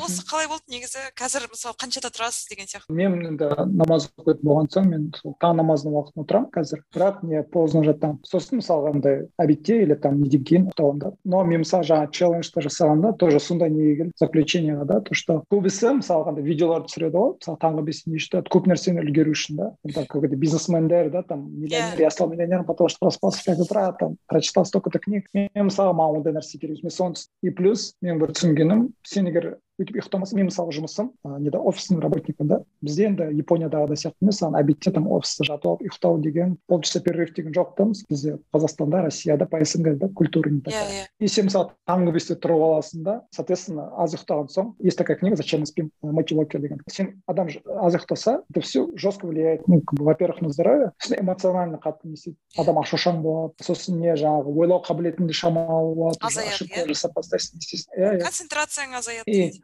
просто ради продуктивности, типа, я хочу успеть много дел деген сияқты меня это мен там сол челленджді самый түсіндім это ну как бы нашар мозг мен мысалы ондай жұмысым прям ондай алып бара жатқан емеспін енді егер сен может быть бизнесмен болсаң или постоянно акции не акции миллион бизнесов которые тебе надо успевать мүмкін сол кезде да мысалға лично маған өзіме мысалы ондай нагрузка болған жоқ мен и так там бос уақытым бар бос уақытымда кітап оқимын для этого маған мысалы таңғы бесте тұрып керек емес болды да мен таңғы бесте тұрған наоборот негативный нәрселер байқап бастадым то что сондай кішкене эмоционально нервный болып бастадым ашушаң болып бастадым тренировканы мысалы мен таңғы бесте тұрамын кітап оқимын потом тренировка жасаймын сосын намаз оқимын деген сияқты это тоже я там иногда бывает утром потренировка айтады ғой мен таңертең тренировка жасадым бодрость на целый день не знаю менде вообще ондай болған жоқ у меня как бы бодрость до одиннадцати бітті он бірде уже мясо болып жатасың да ойланамын да я один такой который утром тренируется у него бодрости на целый день нет или это они там мен шығар деп не істеп қойдым енді білмеймін бірақ менде ондай болған жоқ мысалы таңертең воркаут жасап аламын и менде на целый день бодрость болған жоқ кофеден кофе ішіп уже кофені ішіп организм үйреніп қалған да кофеден я потом решил типа, не для меня я как бы пользы от этого не вижу наоборот больше негатива да. Ашушаң не болып бастадым енді веганствоны айтайық иә ер адамдарға қиын ғой.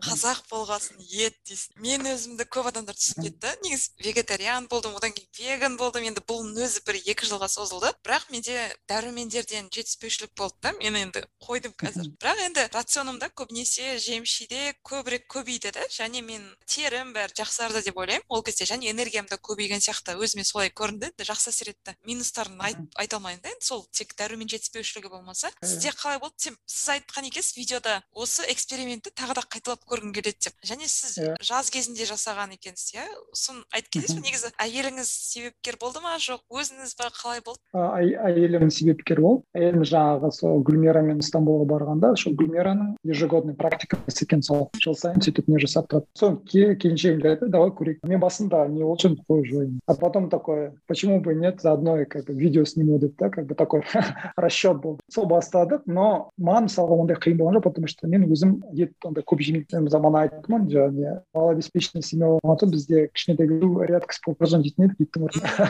мамамыз айтатын еді ет жегің келе ма баклажан же заменитель сосын андай ет кішкентай кезден көп жемеген соң для меня это норма жеңіл болды иә деген сияқты зависимость болған жоқ и плюс қасымда енді иә келіншегім болған соң екеуміз бірге жасаған соң андай не болды нормально болды плюсы енді мен видеода айтып кеттім қандай плюстар болған но самый большой қолтықтан иіс шыққан жоқ вообще. Телінде қолтықтан ауыздан таңертең тұрғанда вообще иіс жоқ. Негізі ол дәлелденген деп айтады осындай иістердің денеден иә адам адам тазарады дей ма? Образ жизни это иә жақсы. Иә қызық болды негізі иә. негізі жақсы ғой челлендж жасап тұрған иістер кетеді? Иә рахмет. Негізі жауабыңызға сіздің негізінен әйеліңізде осы сіз танатын темпті екеуіңіз енді бір толқындасыздар да? Мысалы бір бір андай жеке даму деген сияқты енді мотивация мынау ғой. Ол кісі қалай негізі бір біріңізді қалай қолдап отырасыздар? мысалы бірдей ма мысалы оқитын кітаптарыңыз немесе или басқаша ма талқылау дегенде қалай болады? біздің бірге оқиды бірдей да похожие книги біз оқитын. Это только дін болмаса құран оқимыз екеуміз де. Пайғамбардың өмірбаяны а так екеуміз мысалы екі түрлі нәрсе менің келіншегім енді мысалы ильдарды әлеудиновті тыңдайды мен мысалы американский нелерді тыңдаймын. Араңызда намаз оқитын ағылшын тілін білетін болса мен мысалы хамза юсuf деген американский нені көп тыңдаймын. өте қатты әсер етеді. Мысалы ол зайтуна деген колледж бар америкада соның директоры. Ол кісі неде? Классический неде? Ислам. Мавританияда мароккода оқыған. он жеті жасынан сол жерде өмір сүрген ғой. Ол андай риторика логика неге қатты көңіл бөледі? Оның әкесі мамасы америкада университетте үлкен профессорлар болған да ол өзі христианин ирландец. Сондай нәрселерге өте қатты көңіл бөледі да. Лингвистика логика. Мен соны тыңдаймын. Сосын жаңағы ясир қади деген бар өзі бывший не? Салафит. Сол адамды көп тыңдаймын. Тоже американский имам.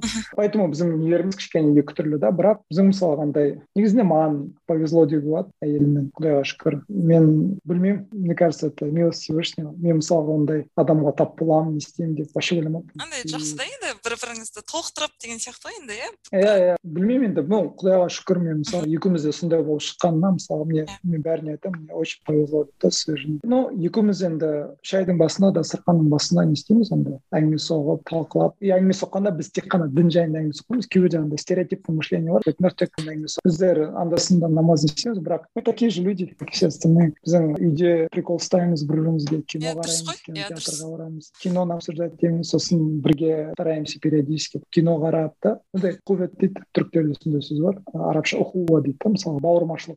Адам мысалы өзінің әйелімен сондай бауырмашылықты не істеп тұру керек. Укреплять эту керек да потому что если сен укреплять бессен соответственно ты же должен вкладываться в эти отношения. Иә кез келген иә қарым қатынас еңбекті талап етеді дейді ғой сондай иә. Конечно конечно. Потому что сен өйтіп вкладывать етпесең мысалға еркек потом барады да мысалға үйінде әйелімен сөйлеспесе жұмыста басқа қыздармен сөйлесіп бастайды соған көңілі не істеп бастайды анау ана жақта тыңдап отырады. Қызық. С ним интересно моя жена не такая интересная. Бітті еркектер енді не ғой біздің фитрада ғой в природе да басқа жаққа кетіп қалуы мүмкін да поэтому сондай болмау үшін мысалға баяғыда эльдар әлгеновтің несінде болды біреумен сөйлескің келе ма әйеліңмен сөйлес да и сол біз сөйтіп жаңағы кофе шай ішіп отырғанда сөйтіп стараемся бір бірімізбен сөйлесіп не только о религии потому что дін жайында бір постоянно бір темаға әңгіме соғып шаршап кетесің да. Дін болсын қанша не болсаң да блин ну мен ондай супер тақуа емеспін кейде енді дін жайында әңгіме соғып шаршап кетесің да мен мысалға комедия кино блогеров там не знаю события соның бәрін обсуждать етіп сөйлесіп екеуміз бір не істеп отырамыз келісемін иә бақыт тілеймін отбасыңызға мен екеуіңіз мысалы көп саяхаттайсыздар иә мысалы сіз жұмыспен саяхаттайсыз. Негізі адамға саяхат не береді деп ойлайсыз. Не үшін саяхаттау керек? Мен қазақта мақалыммен айтайын баяғыда маған мұғалімім айтқан математикадан беретін. Көп білгеннен сұрама көп көргеннен сұра дейді енді мен оның екінші интерпретациясы бар шығар бірақ маған айтқан кезде мен ол кезде жетінші класста болғанмын он төрт жасымда. Мен сол кезде былай түсіндім. Көп білгеннен сұрама көп көргеннен сұра в смысле мировоззрениесі широкий адам да? Мысалы екінші интерпретациясы мүмкін андай опытный адам да? Көпті көрген. Иә иә. Но мен сол кезде солай түсіндім да и маған сол қатты не істеп қалды әсерлеп қалды. Ол кезде как раз мен андай не болып он төрт жасымда бірінші рет жаңағы зарубеж шықтым. Мен оралда ақсай деген қалада оқыдым. Сол жерде мектеп бітірдім. И ол жерде андай программа болды жаңағы. Кпо деген үлкен мекеме бар казконденсат олар андай малообеспеченный семьяларға не жасайтын путевка разыгрывать етеді. Сабақты жақсы оқиды сондай малообеспеченный семьялардан жақсы оқитындарға путевка береді. Олар постоянно италияға жіберетін жаңағы а джип солар олардың несі болды бәрі бірге жиналып акиматта мен сол кезде как раз мен отличник болдым сабақ жақсы оқыдым и соответственно малообеспеченный семьядан болған соң мен как бы и там и там прошел но андай прикол болды мұғалімдер мысалға не істегісі келді кейбір мұғалімдер болды мою путевку хотели себе короче забрать и андай поводтар іздеді да мені не істемеу үшін менің әкем жоқ он неполноценная семья деп мен сол кезде қатты енді он төрт жасар подростоксың ғой намыстанып қалдым бармаймын да мамам барып хайвай закатила в общем они обратно мне эту путевку вернули но мен бірақ намыстанып алдым қатайып и сол кезде мен күшті не болды бізде завуч болды математик Математикадан мұғалім завуч сол маған сол кезде айтқан мақалы сол кезде как раз соны айтты маған давай слишком қатай берме успокойся бар деп қазақта мақал бар деді көп білгеннен сұрама көп көргеннен сұра поэтому бар көр путешествуй кругозор свой расширяй и сол қатты әсер болып қалды да менде менде андай всегда сондай бакет бакет лист дейді ғой мысалы список дел стран которые я хочу посетить и список дел которые я хочу сделать до того как я умру да. Менде обязательно путешествие сондай обязательный пункт болды да менің ойымша путешествиеден адам не алады сен әртүрлі культураны көрген соң сен андай кругозорың ашылады да сен более толерантный боласың да. И сен андай басқа нелерді көресің да что ты не один такой что есть люди умнее тебя возможно культура разная тем более не вас. Потому что мен мысалы университетте жүргенде андайды көрдік не то что сен басқа ел внутри даже между областями недопонимание болды бізде мысалға иә мен мысалға бізде адамдар болды мысалы севердан келген они думали что түркістанда жұрттар до сих пор живут в юртах и на лошадях ездят да. Біз қатты күлгенбіз сол кезде. Мысалы сондай сондай стереотиптер бар да это внутри страны да бізде қазақстанда стереотиптер бар да алматы болса все вот такие там из регионов все вот такие да стереотипы да. Поэтому даже внутри казахстана мысалға жүріп жүрсең жан жақ облыста неден көрсең бізде мысалы андай болды мен универде оқығанда там е там батыстікілер грубияны. Мен мысалға мен универде оқығанда менің достарым в основном южан болды. хотя мен өзім мысалы батыстан келдім да мен общежитиеде өмір сүрдім мен даже екі жыл общагада южандармен тұрған соң менде даже сондай акцент болып мен бәрі шымкенттен деп ойлайтын еді мысалы сен көресің да мысалға такие же люди нормальные они тоже видят а ты оказывается нормальный парень сондай сондай нәрсе болады сондай пользалар болады начинаешь понимать что это такие же люди как и ты у них есть свои приколы проблемы прикол қызық нәрселері бар может жаман нәрселері де бар шығар но сен уже өз өзіңе не істеп бастайсың да сен андай уже более толерантно открытый уже андай строго судить етпейсің да тек тарс етіп не не есть же разные мнения есть разные yeah. культуры. Сколько людей столько мнений. Сол жағынан мысалы путешествие өте не да пользасы мне кажется сондай көп сияқты енді сіз бірнеше мемлекетте болдыңыз иә мен бір блогтарыңызды көрдім анау италияда жүрген сондай. Қай мемлекет сізге сондай әсер етті қатты ұнап қалған мемлекет бар ма? Сол барған мемлекеттердің ішінде? Маған ең қатты ұнағаны япония болды кәдімгі жаман қатты әсерленіп қалдым иә даже как будто андай не ұнады ол жерде. Япония ма? Как будто андай бір не болған сияқты болды духовный трип дейді ғой духовный путешествие сияқты болған хотя мен мысалы мұсылманмын да мен мысалы меккеге барып сол духовный болу керек қой бірақ андай білмеймін бір японияға барғанда андай бір не болды да умиротворенность дейді ғой сондай бір не болды да мысалы олардың несі культурасы дзен да минимализм связь с природой прям қатты әсерленіп қалдым да сол жаққа барғанда өте тыныштық күшті парктеріне барасың құмдағы нелері тастардан не жасағаны парктер халқы да мысалы культура өте тап таза адамдар мысалға все вежливые ешқандай несі жоқ шаруасы жоқ ештеңемен прям қатты күшті несі бір баланс ұстайтын мемлекет сияқты иә кәдімгідей бір дзен деймін хотя иә японияда тұратындар енді басқаша айтады олар енді бүкіл несін көрді ғой бір рет тек қана мас адамды көрді сол жерде бірақ мас адамдар ол жерде көп та бірақ менің өзім лично көргенім не да я конечно не, не отрицаю проблемалар көп но лично для меня мысалы сол путешествие не болды да прям қатты әсерленіп қалдым сол жақта почти екі апта болды он бір күн долго долго отходил келіншегім екеуміз кәдімгі прям долго отходили бізде көріп сол японияны енді бір сондай мүмкіндік болса көшіп баратын ба едіңіз? А жоқ. Мен мысалға өзім қанша не болсам да мен мысалға данияда почти бір айдай болдым. Күшті базар жоқ дамыған ел все удобства да можно сказать. Но все равно как қазақстанда мысалға не бар да бір бір ыстығы бар да. Хоть не болса да мен мысалға данияда бір ай болғаннан кейін когда неге келдім ғой түркияда аэропорт болғанда менде культурный шок болды да. Мен байқаған шығарсың мысалы особенно скатқа баратын кезде бүкіл ана коммерсанттар ана нелерімен заттарымен там не істеп ана күте тұрың күте тұрың әлі ашылған жоқ проход ашылған жоқ нет рвутся да? Нет это конечно это обобщение это я сейчас утрирую. Бүкіл қазақтар ондай емес қой это опять таки малый процентаж да все равно мысалға қазақстанда бүкіл даже просто тупо кинотеатр кафе айналаңда адамдар бәрі сенше қазақша сөйлейді орысша сөйлейді түсінесің істейсің приколдарыңыз бір менталитет бір енді білемін енді европада мысалға қайыржан да файндербил мысалы данияда уже неше жыл болды да францияда оқыған мүмкін оның көзқарасы басқаша да. Мүмкін мен мысалға европада тұрсам менің көзқарасым басқаша болар еді мүмкін бірақ пока что қазір да қазір на данный момент мнение сондай мен мысалы особо. Не если бы предложили работать да базар жоқ я, я мен мысалы ол жағынан лицемер етпеймін мен мысалы бармаймын бірақ жұмыс жасауға барар едім но өмір сүруге андай ұзаққа емес иә? жарайды онда. Рахмет жауабыңызға. Енді мынандай тақырыпты айтайық. Сізде бір видео бар. Интеллигент пен талғам дейміз ғой чувство вкуса жайлы аха осы нәрсені білгім келіп тұр қайсысы маңызды сіздің енді былай кішкене бір зерттеу жасаған кітап оқып андай бір нелерді статьяларды иә короткий иә иә сондай болды. маған қызық болғаны қай нәрсе маңызды деп ойлайсыз? Талғам дұрыс па? Жоқ әлде интеллигент дұрыс па? Интеллект да тут андай ответ бар. Екі ответ болады которые взаимосвязаны мысалға не қарасақ на уровне всего человечества қарасақ да бәріне соответственно интеллект важнее потому что интеллект это то что базовый да бәрімізде бар нәрсе это то что біздің миымызда былай айтқанда. Бірақ мысалға чувство вкуса дегенде мысалы чувство вкуса келді жаңағы куджи подкаст дегенде жақтан көрдім да бірақ мен кішкене чувство вкуса мысалға неге жатады? Суждениеға жатады да. Суждение это мудрость де арабша хукм дейді да. Арабша хукм судить да. Судьяларды мысалға не сөйтіп айтқан да. Хаким да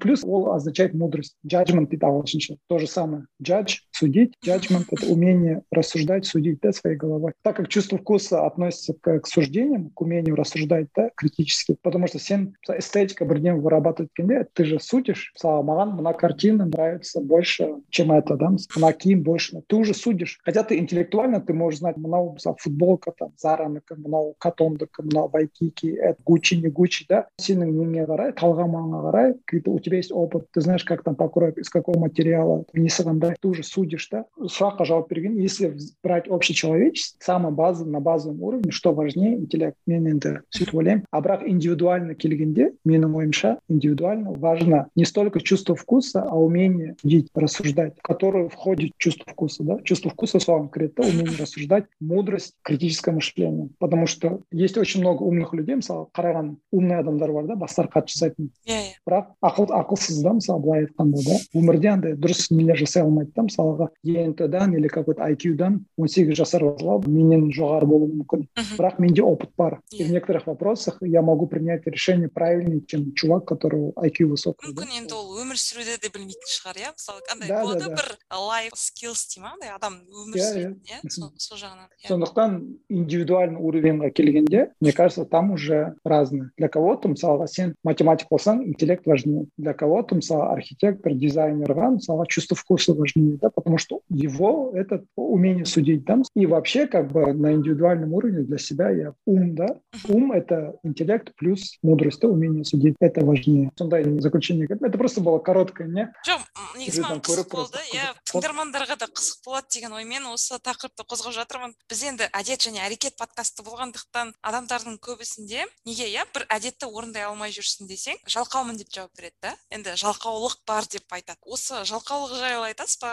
Жалқаулықты қалай жеңуге болады? Мүмкін бір сізге бір лайфхак бар шығар. Менде өзімде мысалы жалқаулық проявляется мен бос уақыт контекстке байланысты ғой. Егер сенде мысалға бір какой то задача тұрса да мысалы жұмыста бір таск бар сен оны жасау керек бір какой то определенный дедлайн бар. Әдет тұрғысынан қарастырсақ мысалы сізге иә тренировка жасау керек дейік иә? Енді сіз мысалы алпыс жасқа келгенде андай бүкірейіп не болып қалмас үшін қазір енді осы жасыңызда мысалы жиырма отыз жасыңызда жаттығу жасасаңыз енді денеңіз берік болады иә? Мысалы осанкаңыз жақсы болады деген сияқты. Енді сізге мынандай да әдет қалыптастыру керек. Күнде мысалы сіз айттыңыз ғой таңертең воркаут жасаймын деп. Енді бір бір адамдарға ол қиын болуы мүмкін да енді жалқаулық болу деген сияқты. Сол он минуттың өзін жасай алмауы мүмкін да.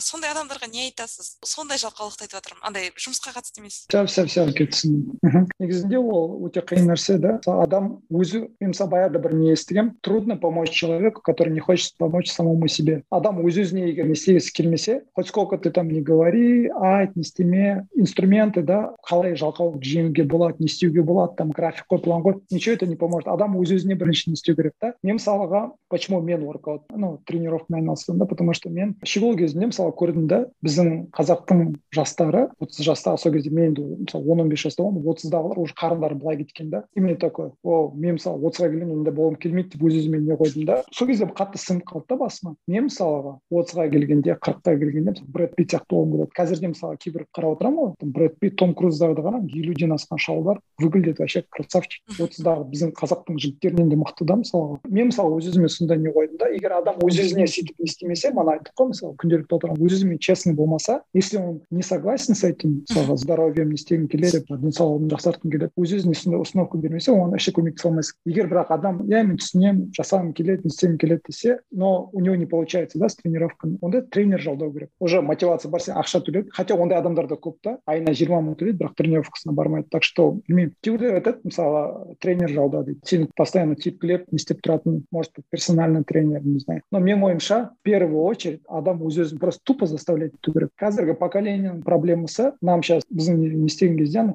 коучи, психологи, все это нам пихать типа, ты должен делать то, что тебе нравится. Не заставляй себя. Потому что поэтому, ну, мне не нравится тренироваться, да? мне нравится валяться, кушать мороженое, я не знаю, шоколадки, но оның несі бар да мысалға поэтому надо себя заставлять менің ойымша солай. Мен мысалы ондай жеңіл жолдарын білмеймін. Өз өзің заставлять ету керексің. Тупо просто. Мен мысалға не істеймін жасағым келмейді бірақ надо делать. Мен мысалға если я хочу быть иногда конечно можешь себе позволить кейде болады бір күн тренировать етпейсің екі күн окей но не так что там бір жылдап екі жылдап тастап кетесің. Мен мысалға басымда картина бар ана айттым ғой мысалы жерге қарап? Менде андай болды мен когда еще мектепте университетте оқып жүргенде андай басымда андай не болды да мен ертең ата ана боламын ғой балдарымның собраниясына барғанда я хочу быть таким отцом на которого другие родители будут поворачиваться говорить это чей папа такой да? Я хочу чтобы менің балдарым мен мысалы мектепке классное собрание келген менің балдарым айтты это мой папа дейді это кто такой там красавчик не в смысле внешне а такой да ну спортивно хорошо здоровье не бар қарын шықпаған я хочу чтобы мои дети мной гордились менің балдарым айтты мына менің папам да поэтому мен сондай өзіме мотивация қойдым да и это цель которую я хочу добиться плюс потом мен мысалы недавно дэвид синклердің недавно дегенде екі жыл бұрын дэвид синклердің лайфстайл деген кітабын оқыдым қазір осы недавно орысша шықты ұмытып қалдым дэвид синклер десеңіз табасыз орысша іздеп қарайын иә ол кітапта ол мысалға нені айтады ол гарвардта профессор нені изучать етеді жаңағы өмірді ұзартуды изучать етеді ондай неде көп нелер бар исследованиялар бар но бірақ көтеріне келгенде мысалы адам өзінің өмірін қалай ұзарта алады как ты можешь оставаться молодым не просто долго жить а оставаться молодым заниматься спортом высокоинтенсивные тренировки воркаут не просто там на шары там чуть-чуть маленький гирю потягал походил емес кәдімгі сен тренироваться істесең мына өкпең өртеніп жаңағы демең жетпей там спринт жаңағы берпи деген сияқты сондай тренировкалармен айналысасың ғой сонда организм стрессте болған кезде оказывается все это мобилизуется поэтому ораза ұстағанның пользасы да ол мысалы үш нәрсе айтады как ты можешь өміріңді ұзартуға и оставаться молодым заниматься спортом ораза ұста ораза ұста дегенде қазіргі модный интервальное голодание да он это имеет в виду и плюс третье мысалға холодный душ сап салқын неде потому что сол кезде организм стресс болғанда вот эти все вот эти хромосомы генетические они модифицируются и организм ремонттап бастайды из-за того что организм у тебя в стрессе и он омолаживает поэтому сондай мысалы өсе келе сондай кітаптарды оқығанда уже дополнительный не да reinforcement дейді ғой как бы дополнение дополнительное укрепление моих убеждений что заниматься спортом намного полезнее, чем просто валяться. андай енді долговечный инвестиция lifelong да, да, investment. Иә иә иә жақсы керемет жауап. Сіздің негізі бір супер сила дейді ғой. Супер күшіңіз бар ма? Сондай мақтанатын. Мен ба мақтанатын ба ондай жоқ сияқтымын мен обычный адаммын жарайды онда біз әдет және әрекет подкасты болғандықтан бір мақтанатын үш әдетіңізді айтасыз. Осы міне осы әдетті жасағаныма иә ризамын деген сияқты. Кітап оқу. Ең біріншісі ол әдетті маған мысалы мамам үйретті да. Мен мамам егер мені заставлять етпегенде да қамшылап қамшылап дегенде грубо звучит қазір ойбай скажет а психологи говорят нельзя наказывать мен оған мысалға біздер енді пацан болған соң наказывать. Бірақ мен қазір шүкір етемін соған. Кітап оқу бірінші әдет та постоянно кітап оқимын мен қазір мысалы кітап оқымасам уже біртүрлі болып жатамын потом тренировка обязательно да аптасына бес рет воркаут жасауға тырысамын. Андай высокоинтенсивный короткие воркауты на дому. Мен мысалы неде джимда жасаған ұнамайды мен своим весом өзім жасағым ұнайды сол екінші әдет и үшінші әдет білмеймін. Үшінші әдет мен енді білмеймін оны мақтанамын мақтанбаймын. бірақ мен андай өзім де байқағаным мысалы мен бір нәрсе бастағым келеді ғой мысалға мен андай сенімім бар то что сен любой нәрсені бірден бастағың келсе в первую очередь самое важное это действие потому что бір затты бастағың келе ма бастап кету керек мен мысалға подкаст түсіргім келді мен енді біраз жүрдім бірақ потом досым айтқанда бастап кеттім да и менде басында микрофон ештеңе болған жоқ мен соткаға түсіріп жүрдім аудио соткаға записывать адам егер бірдеме жасағысы келсе амалын всегда табады иногда адам сразу бастағысы келеді бір бизнес біреу бизнес ашқысы келе ма он хочет бизнес ашқанда сразу там миллионный бизнес ашқысы келеді да прибыльный может стоит сначала попробовать да мысалы мысалы посмотреть. И мне кажется сол сондай бір әдет өзімде байқағаным бір нәрсе бастағың келе ма это продуктивностьтің самый главный правиласы сразу бастау керек өз өзіңе отмазка іздеме не істеме ойбай дайындаламын анау мынау бастағың келе ма баста потому что всегда несі бар да амалы бар да жасауға болады действие короче действовать ету керек иә толықтай келісемін мен сіздің подкастыңыздан бір тыңдағанда байқағаным. Бір нелер болады ғой? Инфо цыганы дейді ғой. Қазір неше түрлі құрта кетті ғой. Коуч неше түрлі бәрін үйретемін. Иә иә. Андай домохозяйкалар шықты иә? Неше түрлі ұйықтауды үйретемін дейді тайм менеджментті үйретемін дейді. Осындай кезде мысалы айтады да кейбір андай мықты тренерлардың өздерін курсын сатып алмай ол адамның андай ютубтан бір несін қара дейді ше выступлениесін қара кітабын оқы сол жеткілікті дейді да оның андай осы жайлы айтып кетесіз ба қалай мысалы адамдарға ақпаратты былай фильтрация жасау керек? Қандай қалай негізі көзқарасыңыз осындай инфо инфо бизнеспен айналысатын адамдар жайлы? Ну смотря смотря қандай бизнес. Мысалға қазір енді иә мен өзім мен андай ақыл айтатын адамдар деп айтайықшы коучтар дейміз ба неше түрлі иә менде өзімде не бар менде короче бір опыт болды вахтамен жасап жүрген кезде бір жігіт болды. Енді мықты жігіт за рубежом оқыған алғанда бәрі о деп бізге осындай жігіт керек деп. Но бірақ вахтада жүргенде вообще дым жасамайды. Қойды ма былай жүріп біздер жүрдік та типа ты запарил там. Енді вахтада жасайсың ғой там строгая дисциплина да там чисто мужское окружение тем более үлкен кісілер которые там всю жизнь неде жасаған андай ноу нонсенс да нонсенс жоқ та. Конкретно четко төрт сағат ұйықтайсың ба ты жұмыс жасайсың анау андай да деп жүрді да қатты не болды кәдімгідей что за дела а потом ну он соответственно его уволили потом ол барды да коуч болып кетті начал учить всех бизнесу и я такой в шоке болдым да типа я-то видел этого человека какой он был а теперь он учит других как быть успешным человеком не все көбісі сондай да қазір білмеймін мысалы қайдағы жоқ бір какой то бір коучтар шығады психологтар қазір көп болып кетті никакого мысалға клинического опыта нету никакого клинического тренинга нету да какие то бір ютубтан бірдемеден көріп алады. Мысалы мен келіншегімнің клиенткаларының бірі сондай профессиональный психолог клинический да мысалға не они прям не өтеді практикалары бар нелері бар. Соның айтқаны бар дейді то что вот такие вот приходят все известные вот эти блогеры да а коучи там ойбай там келіңдер мен сенің проблемаларың бүкіл не істеп беремін дейді да. Бүкіл адамның ішіндегі бүкіл проблемасын болячкаларын сыртқа шығарып кетеді дейді да. Бітті тастап кетіп қалады дейді сосын. А ол проблеманы адам сыртқа шығарғаннан кейін это же все уже адам деген бір сондай бір случай болды дейді бір нені не істеп бүкіл ішіндегі несінің бәрін сыртқа шығарды да ана адам енді быт шыт болып қалды да содан мә оказывается у меня такие проблемы депрессия тревожность оно это короче приезжий какой-то суперизвестный блогер там я не знаю психолог на три дня приехал устроил сеанс всем их болячки сыртқа шығарып кетіп қалды ана адамдар қалды бүкіл несімен болячкаларымен да и нам приходилось с этими людьми работать обратно их в порядок приводить это не шутки да мысалға сен хорошо я, я понимаю ты там можешь какой-то совет ақылыңды айтуға да там не істеуге как бы без проблем. Но когда люди на этом начинают зарабатывать плюс ладно это просто бранда не болса да но если это начинает влиять на жизнь людей вообще да ну я считаю это очень плохо. Мен өзім нем бар психолог болсын не болсын лучше всегда обращаться к профессионалам да к проверенным к сертифицированным людям а не каким-то там коучем с интернета блогером бір подкаст бар лондонде доктор дэф доктор смерть типа документальный подкаст бір докторды айтады он отучился в университете в америкада болған күшті университет бітірген отлично закончил интернетте несі де отзывтары бәрі мықты но бірақ он некомпетентный бірталай адамды коллега қылып тастады это в америке да бізде енді пока ондай хирургтар нелер жоқ но ертең шығуы мүмкін мысалы қазір шықты ғой бізде қазір шықты ғой бізде врачтар которые там из россии сен бүкіл анализдеріңді жібересің ол саған не айтып береді да заттарын там что принимать что не принимать и ты когда спрашиваешь а ты типа я сен басқа адаммен тексердің ба оны оның мнениесін айтқанын я не знаю с другими медиками и у нас все медики типа не профессионалы он там супер крутой у него там я не знаю 10к 100к подписчиков он сейчас у нас людей как бы по подписчикам судят да такое yeah. впечатление как будто твои подписчики это твой не да кредит да доверие и это это очень плохо потому что многие профессионалы они в таких местах не сидят они мысалға одан үлкен проблема шығады мен мысалға өзім лично солай ойлаймын профессионалдарға уақыттары да болмайтын сияқты маған нағыз мамандардың инстаграмда отырып не істеуге уақыты да болмайды жақсы и плюс мен жаңағы бір бір эпизодында арман батаев деген менің досым америкада иә иә мысалы сонымен не істеді ол мысалы финансист оның тренингі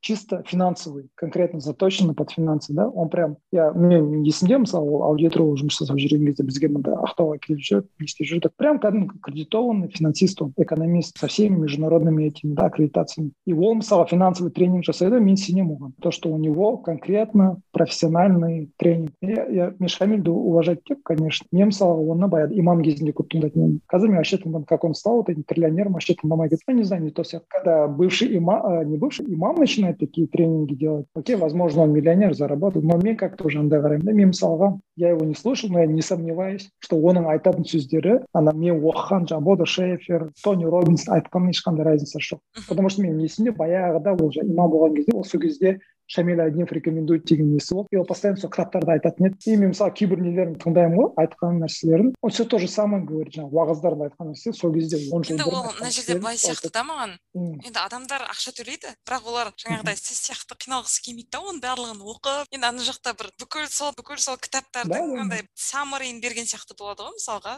содан бір. Менің ойымша ондай жерлерге көбінесе жаңағы шамиль сияқты үлкен жаңағы нелерге знаменитостарға барады. Основная масса или может какая то кучка определенно нетворкинг үшін баратын сияқтымын менің ойым сондай мен білмеймін енді. Мүмкін иә в основном ондай жерде енді мысалға бір какой то регионға келсе сол жердің үлкен жаңағы блогерлары барады знаменитостары барады селебрити какие то да. Енді шамильдің өзі де селебрити болып кетті ғой қазір. Оған бүкіл барады намаз оқымайтындар светскийлардың бәрі барады ғой. Нетворкинг үшін баратын сияқты. Біреумен танысып не знаю засветиться бір какой может быть крутой блогер оның да пайдасы бар бір бірімен менің ойымша солай сияқты. Мен мысалға если говорить чисто как финансовые менің ойымша сондай финансовый болсын медицина болсын не болсын профессионалдарға бару керек сияқты лучше лучше поискать ерінбей дұрыстап профессионалдар жарайды. Сіз бір шешім қабылдаған кезде бір таңдау жасаған кезде соған бір ұстанатын қандай бір құндылық бар ма? Ценность дейді ғой. Қандай нәрсе бағалайсыз мысалы осы нәрсеге байланысты мен шешім қабылдаймын деген сияқты шешім қабылдағанда? Иә. Процесс не ма? Бір шешім қабылдағанда иә.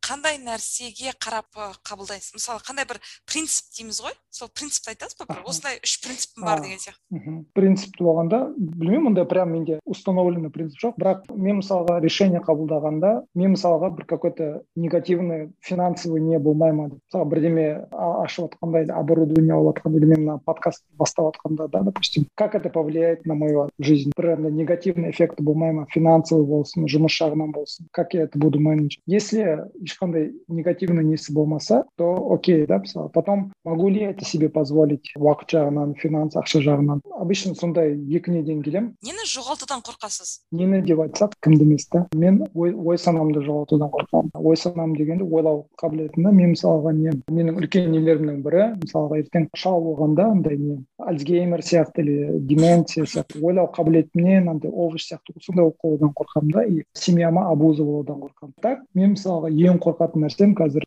семьяма бір какой то зақым бірдеме келсе содан қорқамын. Ақыл есіңнен айырылу деген. Енді ол адам мысалы сен ақыл есіңнен айырыласың бірақ сен білмейсің да оның ақыл есіңнен айырылғаныңды. Сонысы жаман да иә. Өте андаймын да. Эмоциональныймын да. Балдарға келгенде просто бір ой келеді ғой мысалы балдарыма бірдеңе болып қалса деген настроением быт болып кетемін да. Педофилия болсын не болсын сол нәрсе болса мен қатты әсерленемін да. Прям жаңағы ашуланып кетемін да мысалға. Или там кино қарап отырсақ андай сондай бір случайлар болады. Ғой баяғыда лев деген кино болды кім түсетін? Лев патель сонда мысалға жаңағы на реальных событиях сонда кішкентай кезінде еске алып жатады да как жетім балдарды түрмеге жинап алады полицейскийлер түнде алып кетіп жаңағы балдарды насилует да мен мысалы сол кезде қатты жаман не болып қалдым да прям жарты сағат меня колбасит мысалы сондай заттарды қатты не аламын да. Жүрегіңізге жақын қабылдайсыз иә? Иә иә. Особенно балдарға. Сол қорқатын нәрсем сол да менің балдарыма семьяма мысалы бірдеңе болып қалады. Біздің енді тыңдармандарға рекомендация. Сіз бір қайта қайта оқи беретін бір кітап бар ма? Немесе фильм? Немесе осы кітапты көріңдер осы киноны көріңдер деген сияқты бір әсер еткен бар ма сондай? Соны бір енді ішінен бір таңдап алсаңыз бір екеуін. Қиын болатын шығар. Кинодан мысалға қайталап қарайтын. Мен бір киноны айтпаймын бірақ кристофер ноланның киноларын периодически қайталап қараймын. Вообще қатты ұнайды. Кристофер нолан денис вильнев денис вильневтің кинолары вообще ұнайды. Мысалға прибытие деген киносы өте қатты ұнады маған. Иә күшті мысалы рекомендовать етсем сол прибытиені рекомендовать етемін қазір енді дюнаны түсіріп жатыр. Надеюсь дюна да мықты болатын шығар. Бірақ в основном сондай кристофер нолан денис вильнев рекомендовать етемін а так кітаптардан мен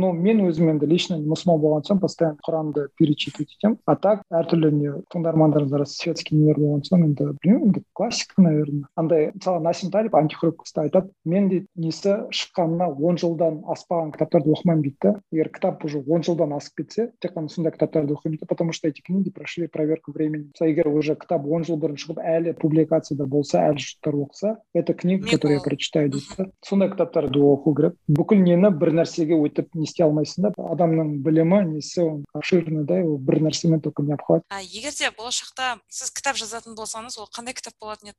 Мен кітап жазбаймын мүмкін балаларыңызға.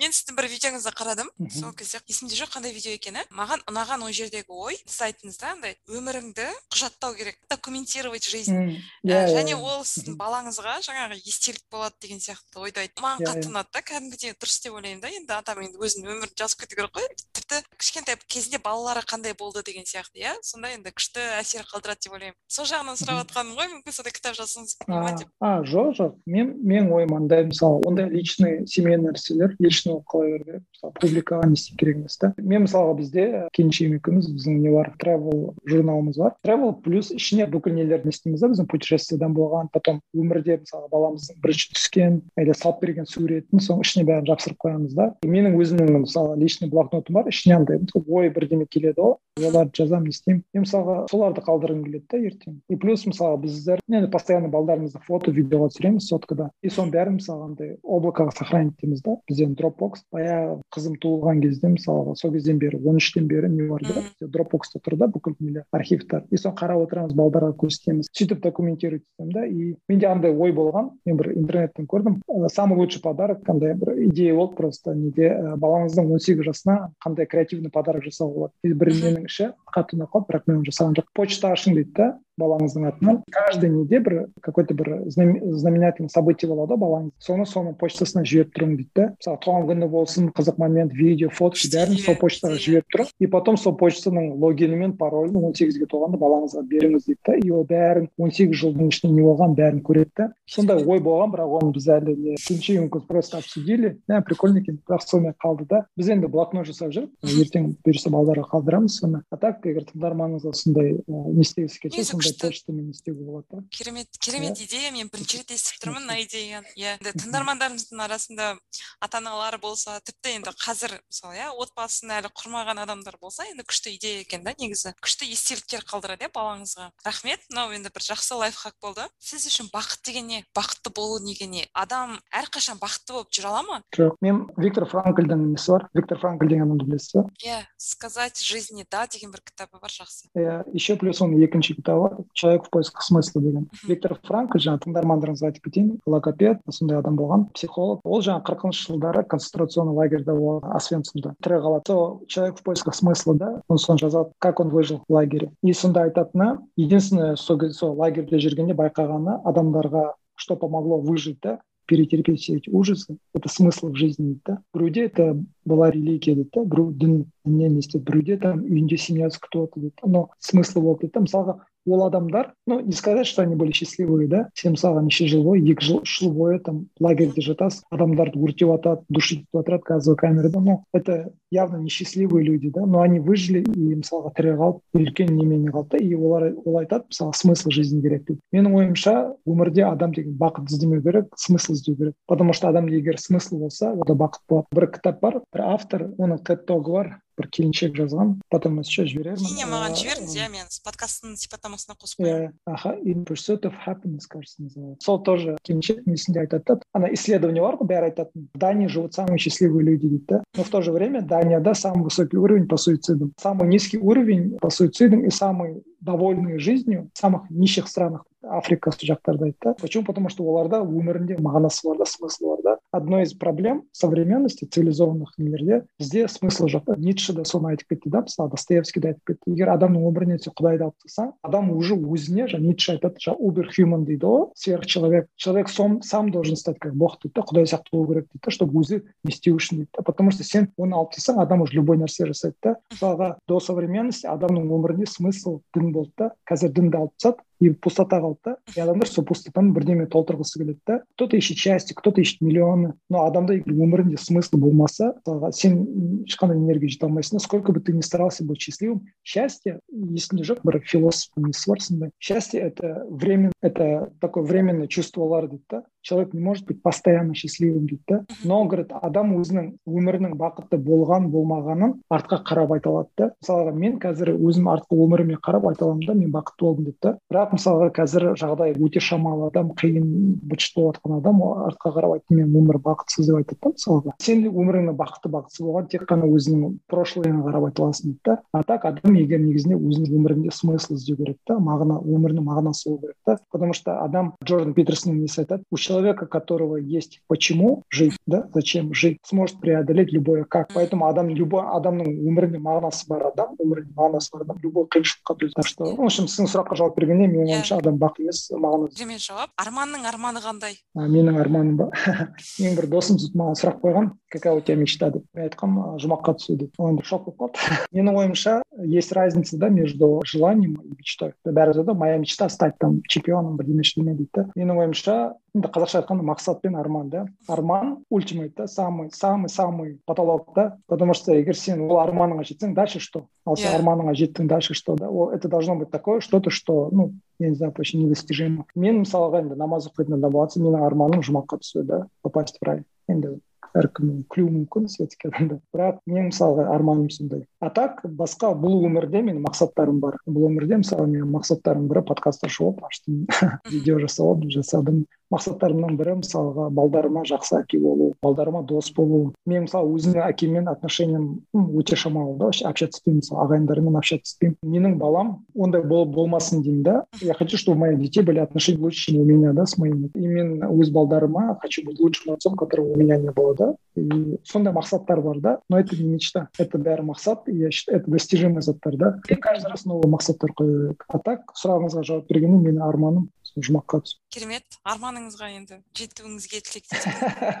Иә соған енді еңбек ету керек қой осындай арманға жету үшін. Арман әдет және әрекет подкастына қонақ болғаныңызға рахмет. Мен кәдімгідей енді жақсы әсер алдым. Тыңдармандарымыз да сондай бір пайдалы дүниелер естіді деп ойлаймын енді. Осы подкастты тыңдағаннан кейін ойлау жүйелері де енді өзгеретін шығар. Ашық болып иә кез келген нәрсеге сондай бір пайдалы дүние алды деп ойлаймын. Сізге үлкен алғысымды білдіремін. Осылай уақытыңызды бөліп келісіп осы подкасттың қонағы болғаныңызға енді подкастымызды былай тәмамдайық. Болашақта осы подкастты балаларыңыз тыңдап жатса оларға не айтар едіңіз? Енді бұл бір жағынан сіздің балаларыңызға тілек ретінде қарастырайық және бір жағынан біздің подкасттың тыңдармандарына да тілек болсын. Осындай нотада аяқтайық. Балдарыма айтамын не отписывайся от моего канала балдарыма не айтқым келетіні ну білемін надеюсь егер балдарым уже үлкен кезінде тыңдап отырса надеюсь я оправдал. Их надежда өзі манадан бері айтып отқандай сондай әке болдым деп. Потому что қазір айтуын айта беріп бірақ на самом деле ертең қалай болатыны бәрі белгісіз ғой да мысалы. Ертең мысалы мүмкін какой то событие болып қалады не болып қалады менің мнением өзгеріп кетеді или мен өзгеріп кетемін енді құдай сақтасын. Егер балдарым тыңдап отырса сол айтарым келген надеюсь мен жаңағы соны манағыдай айтқандай әке болдым дос болдым деп үміттенемін и у нас хорошие отношения. Рахмет. Біздің әдет және әрекет подкастының тыңдармандары арманның подкастын да тыңдап жүріңіздер ютуб каналына жазылыңыздар. Менде бір екі коммент қалдырып лайк басып қойдым. Тыңдағандарыңызға рахмет. Келесі эпизодтарда кездескенше күн жақсы. Аман есен болыңыздар.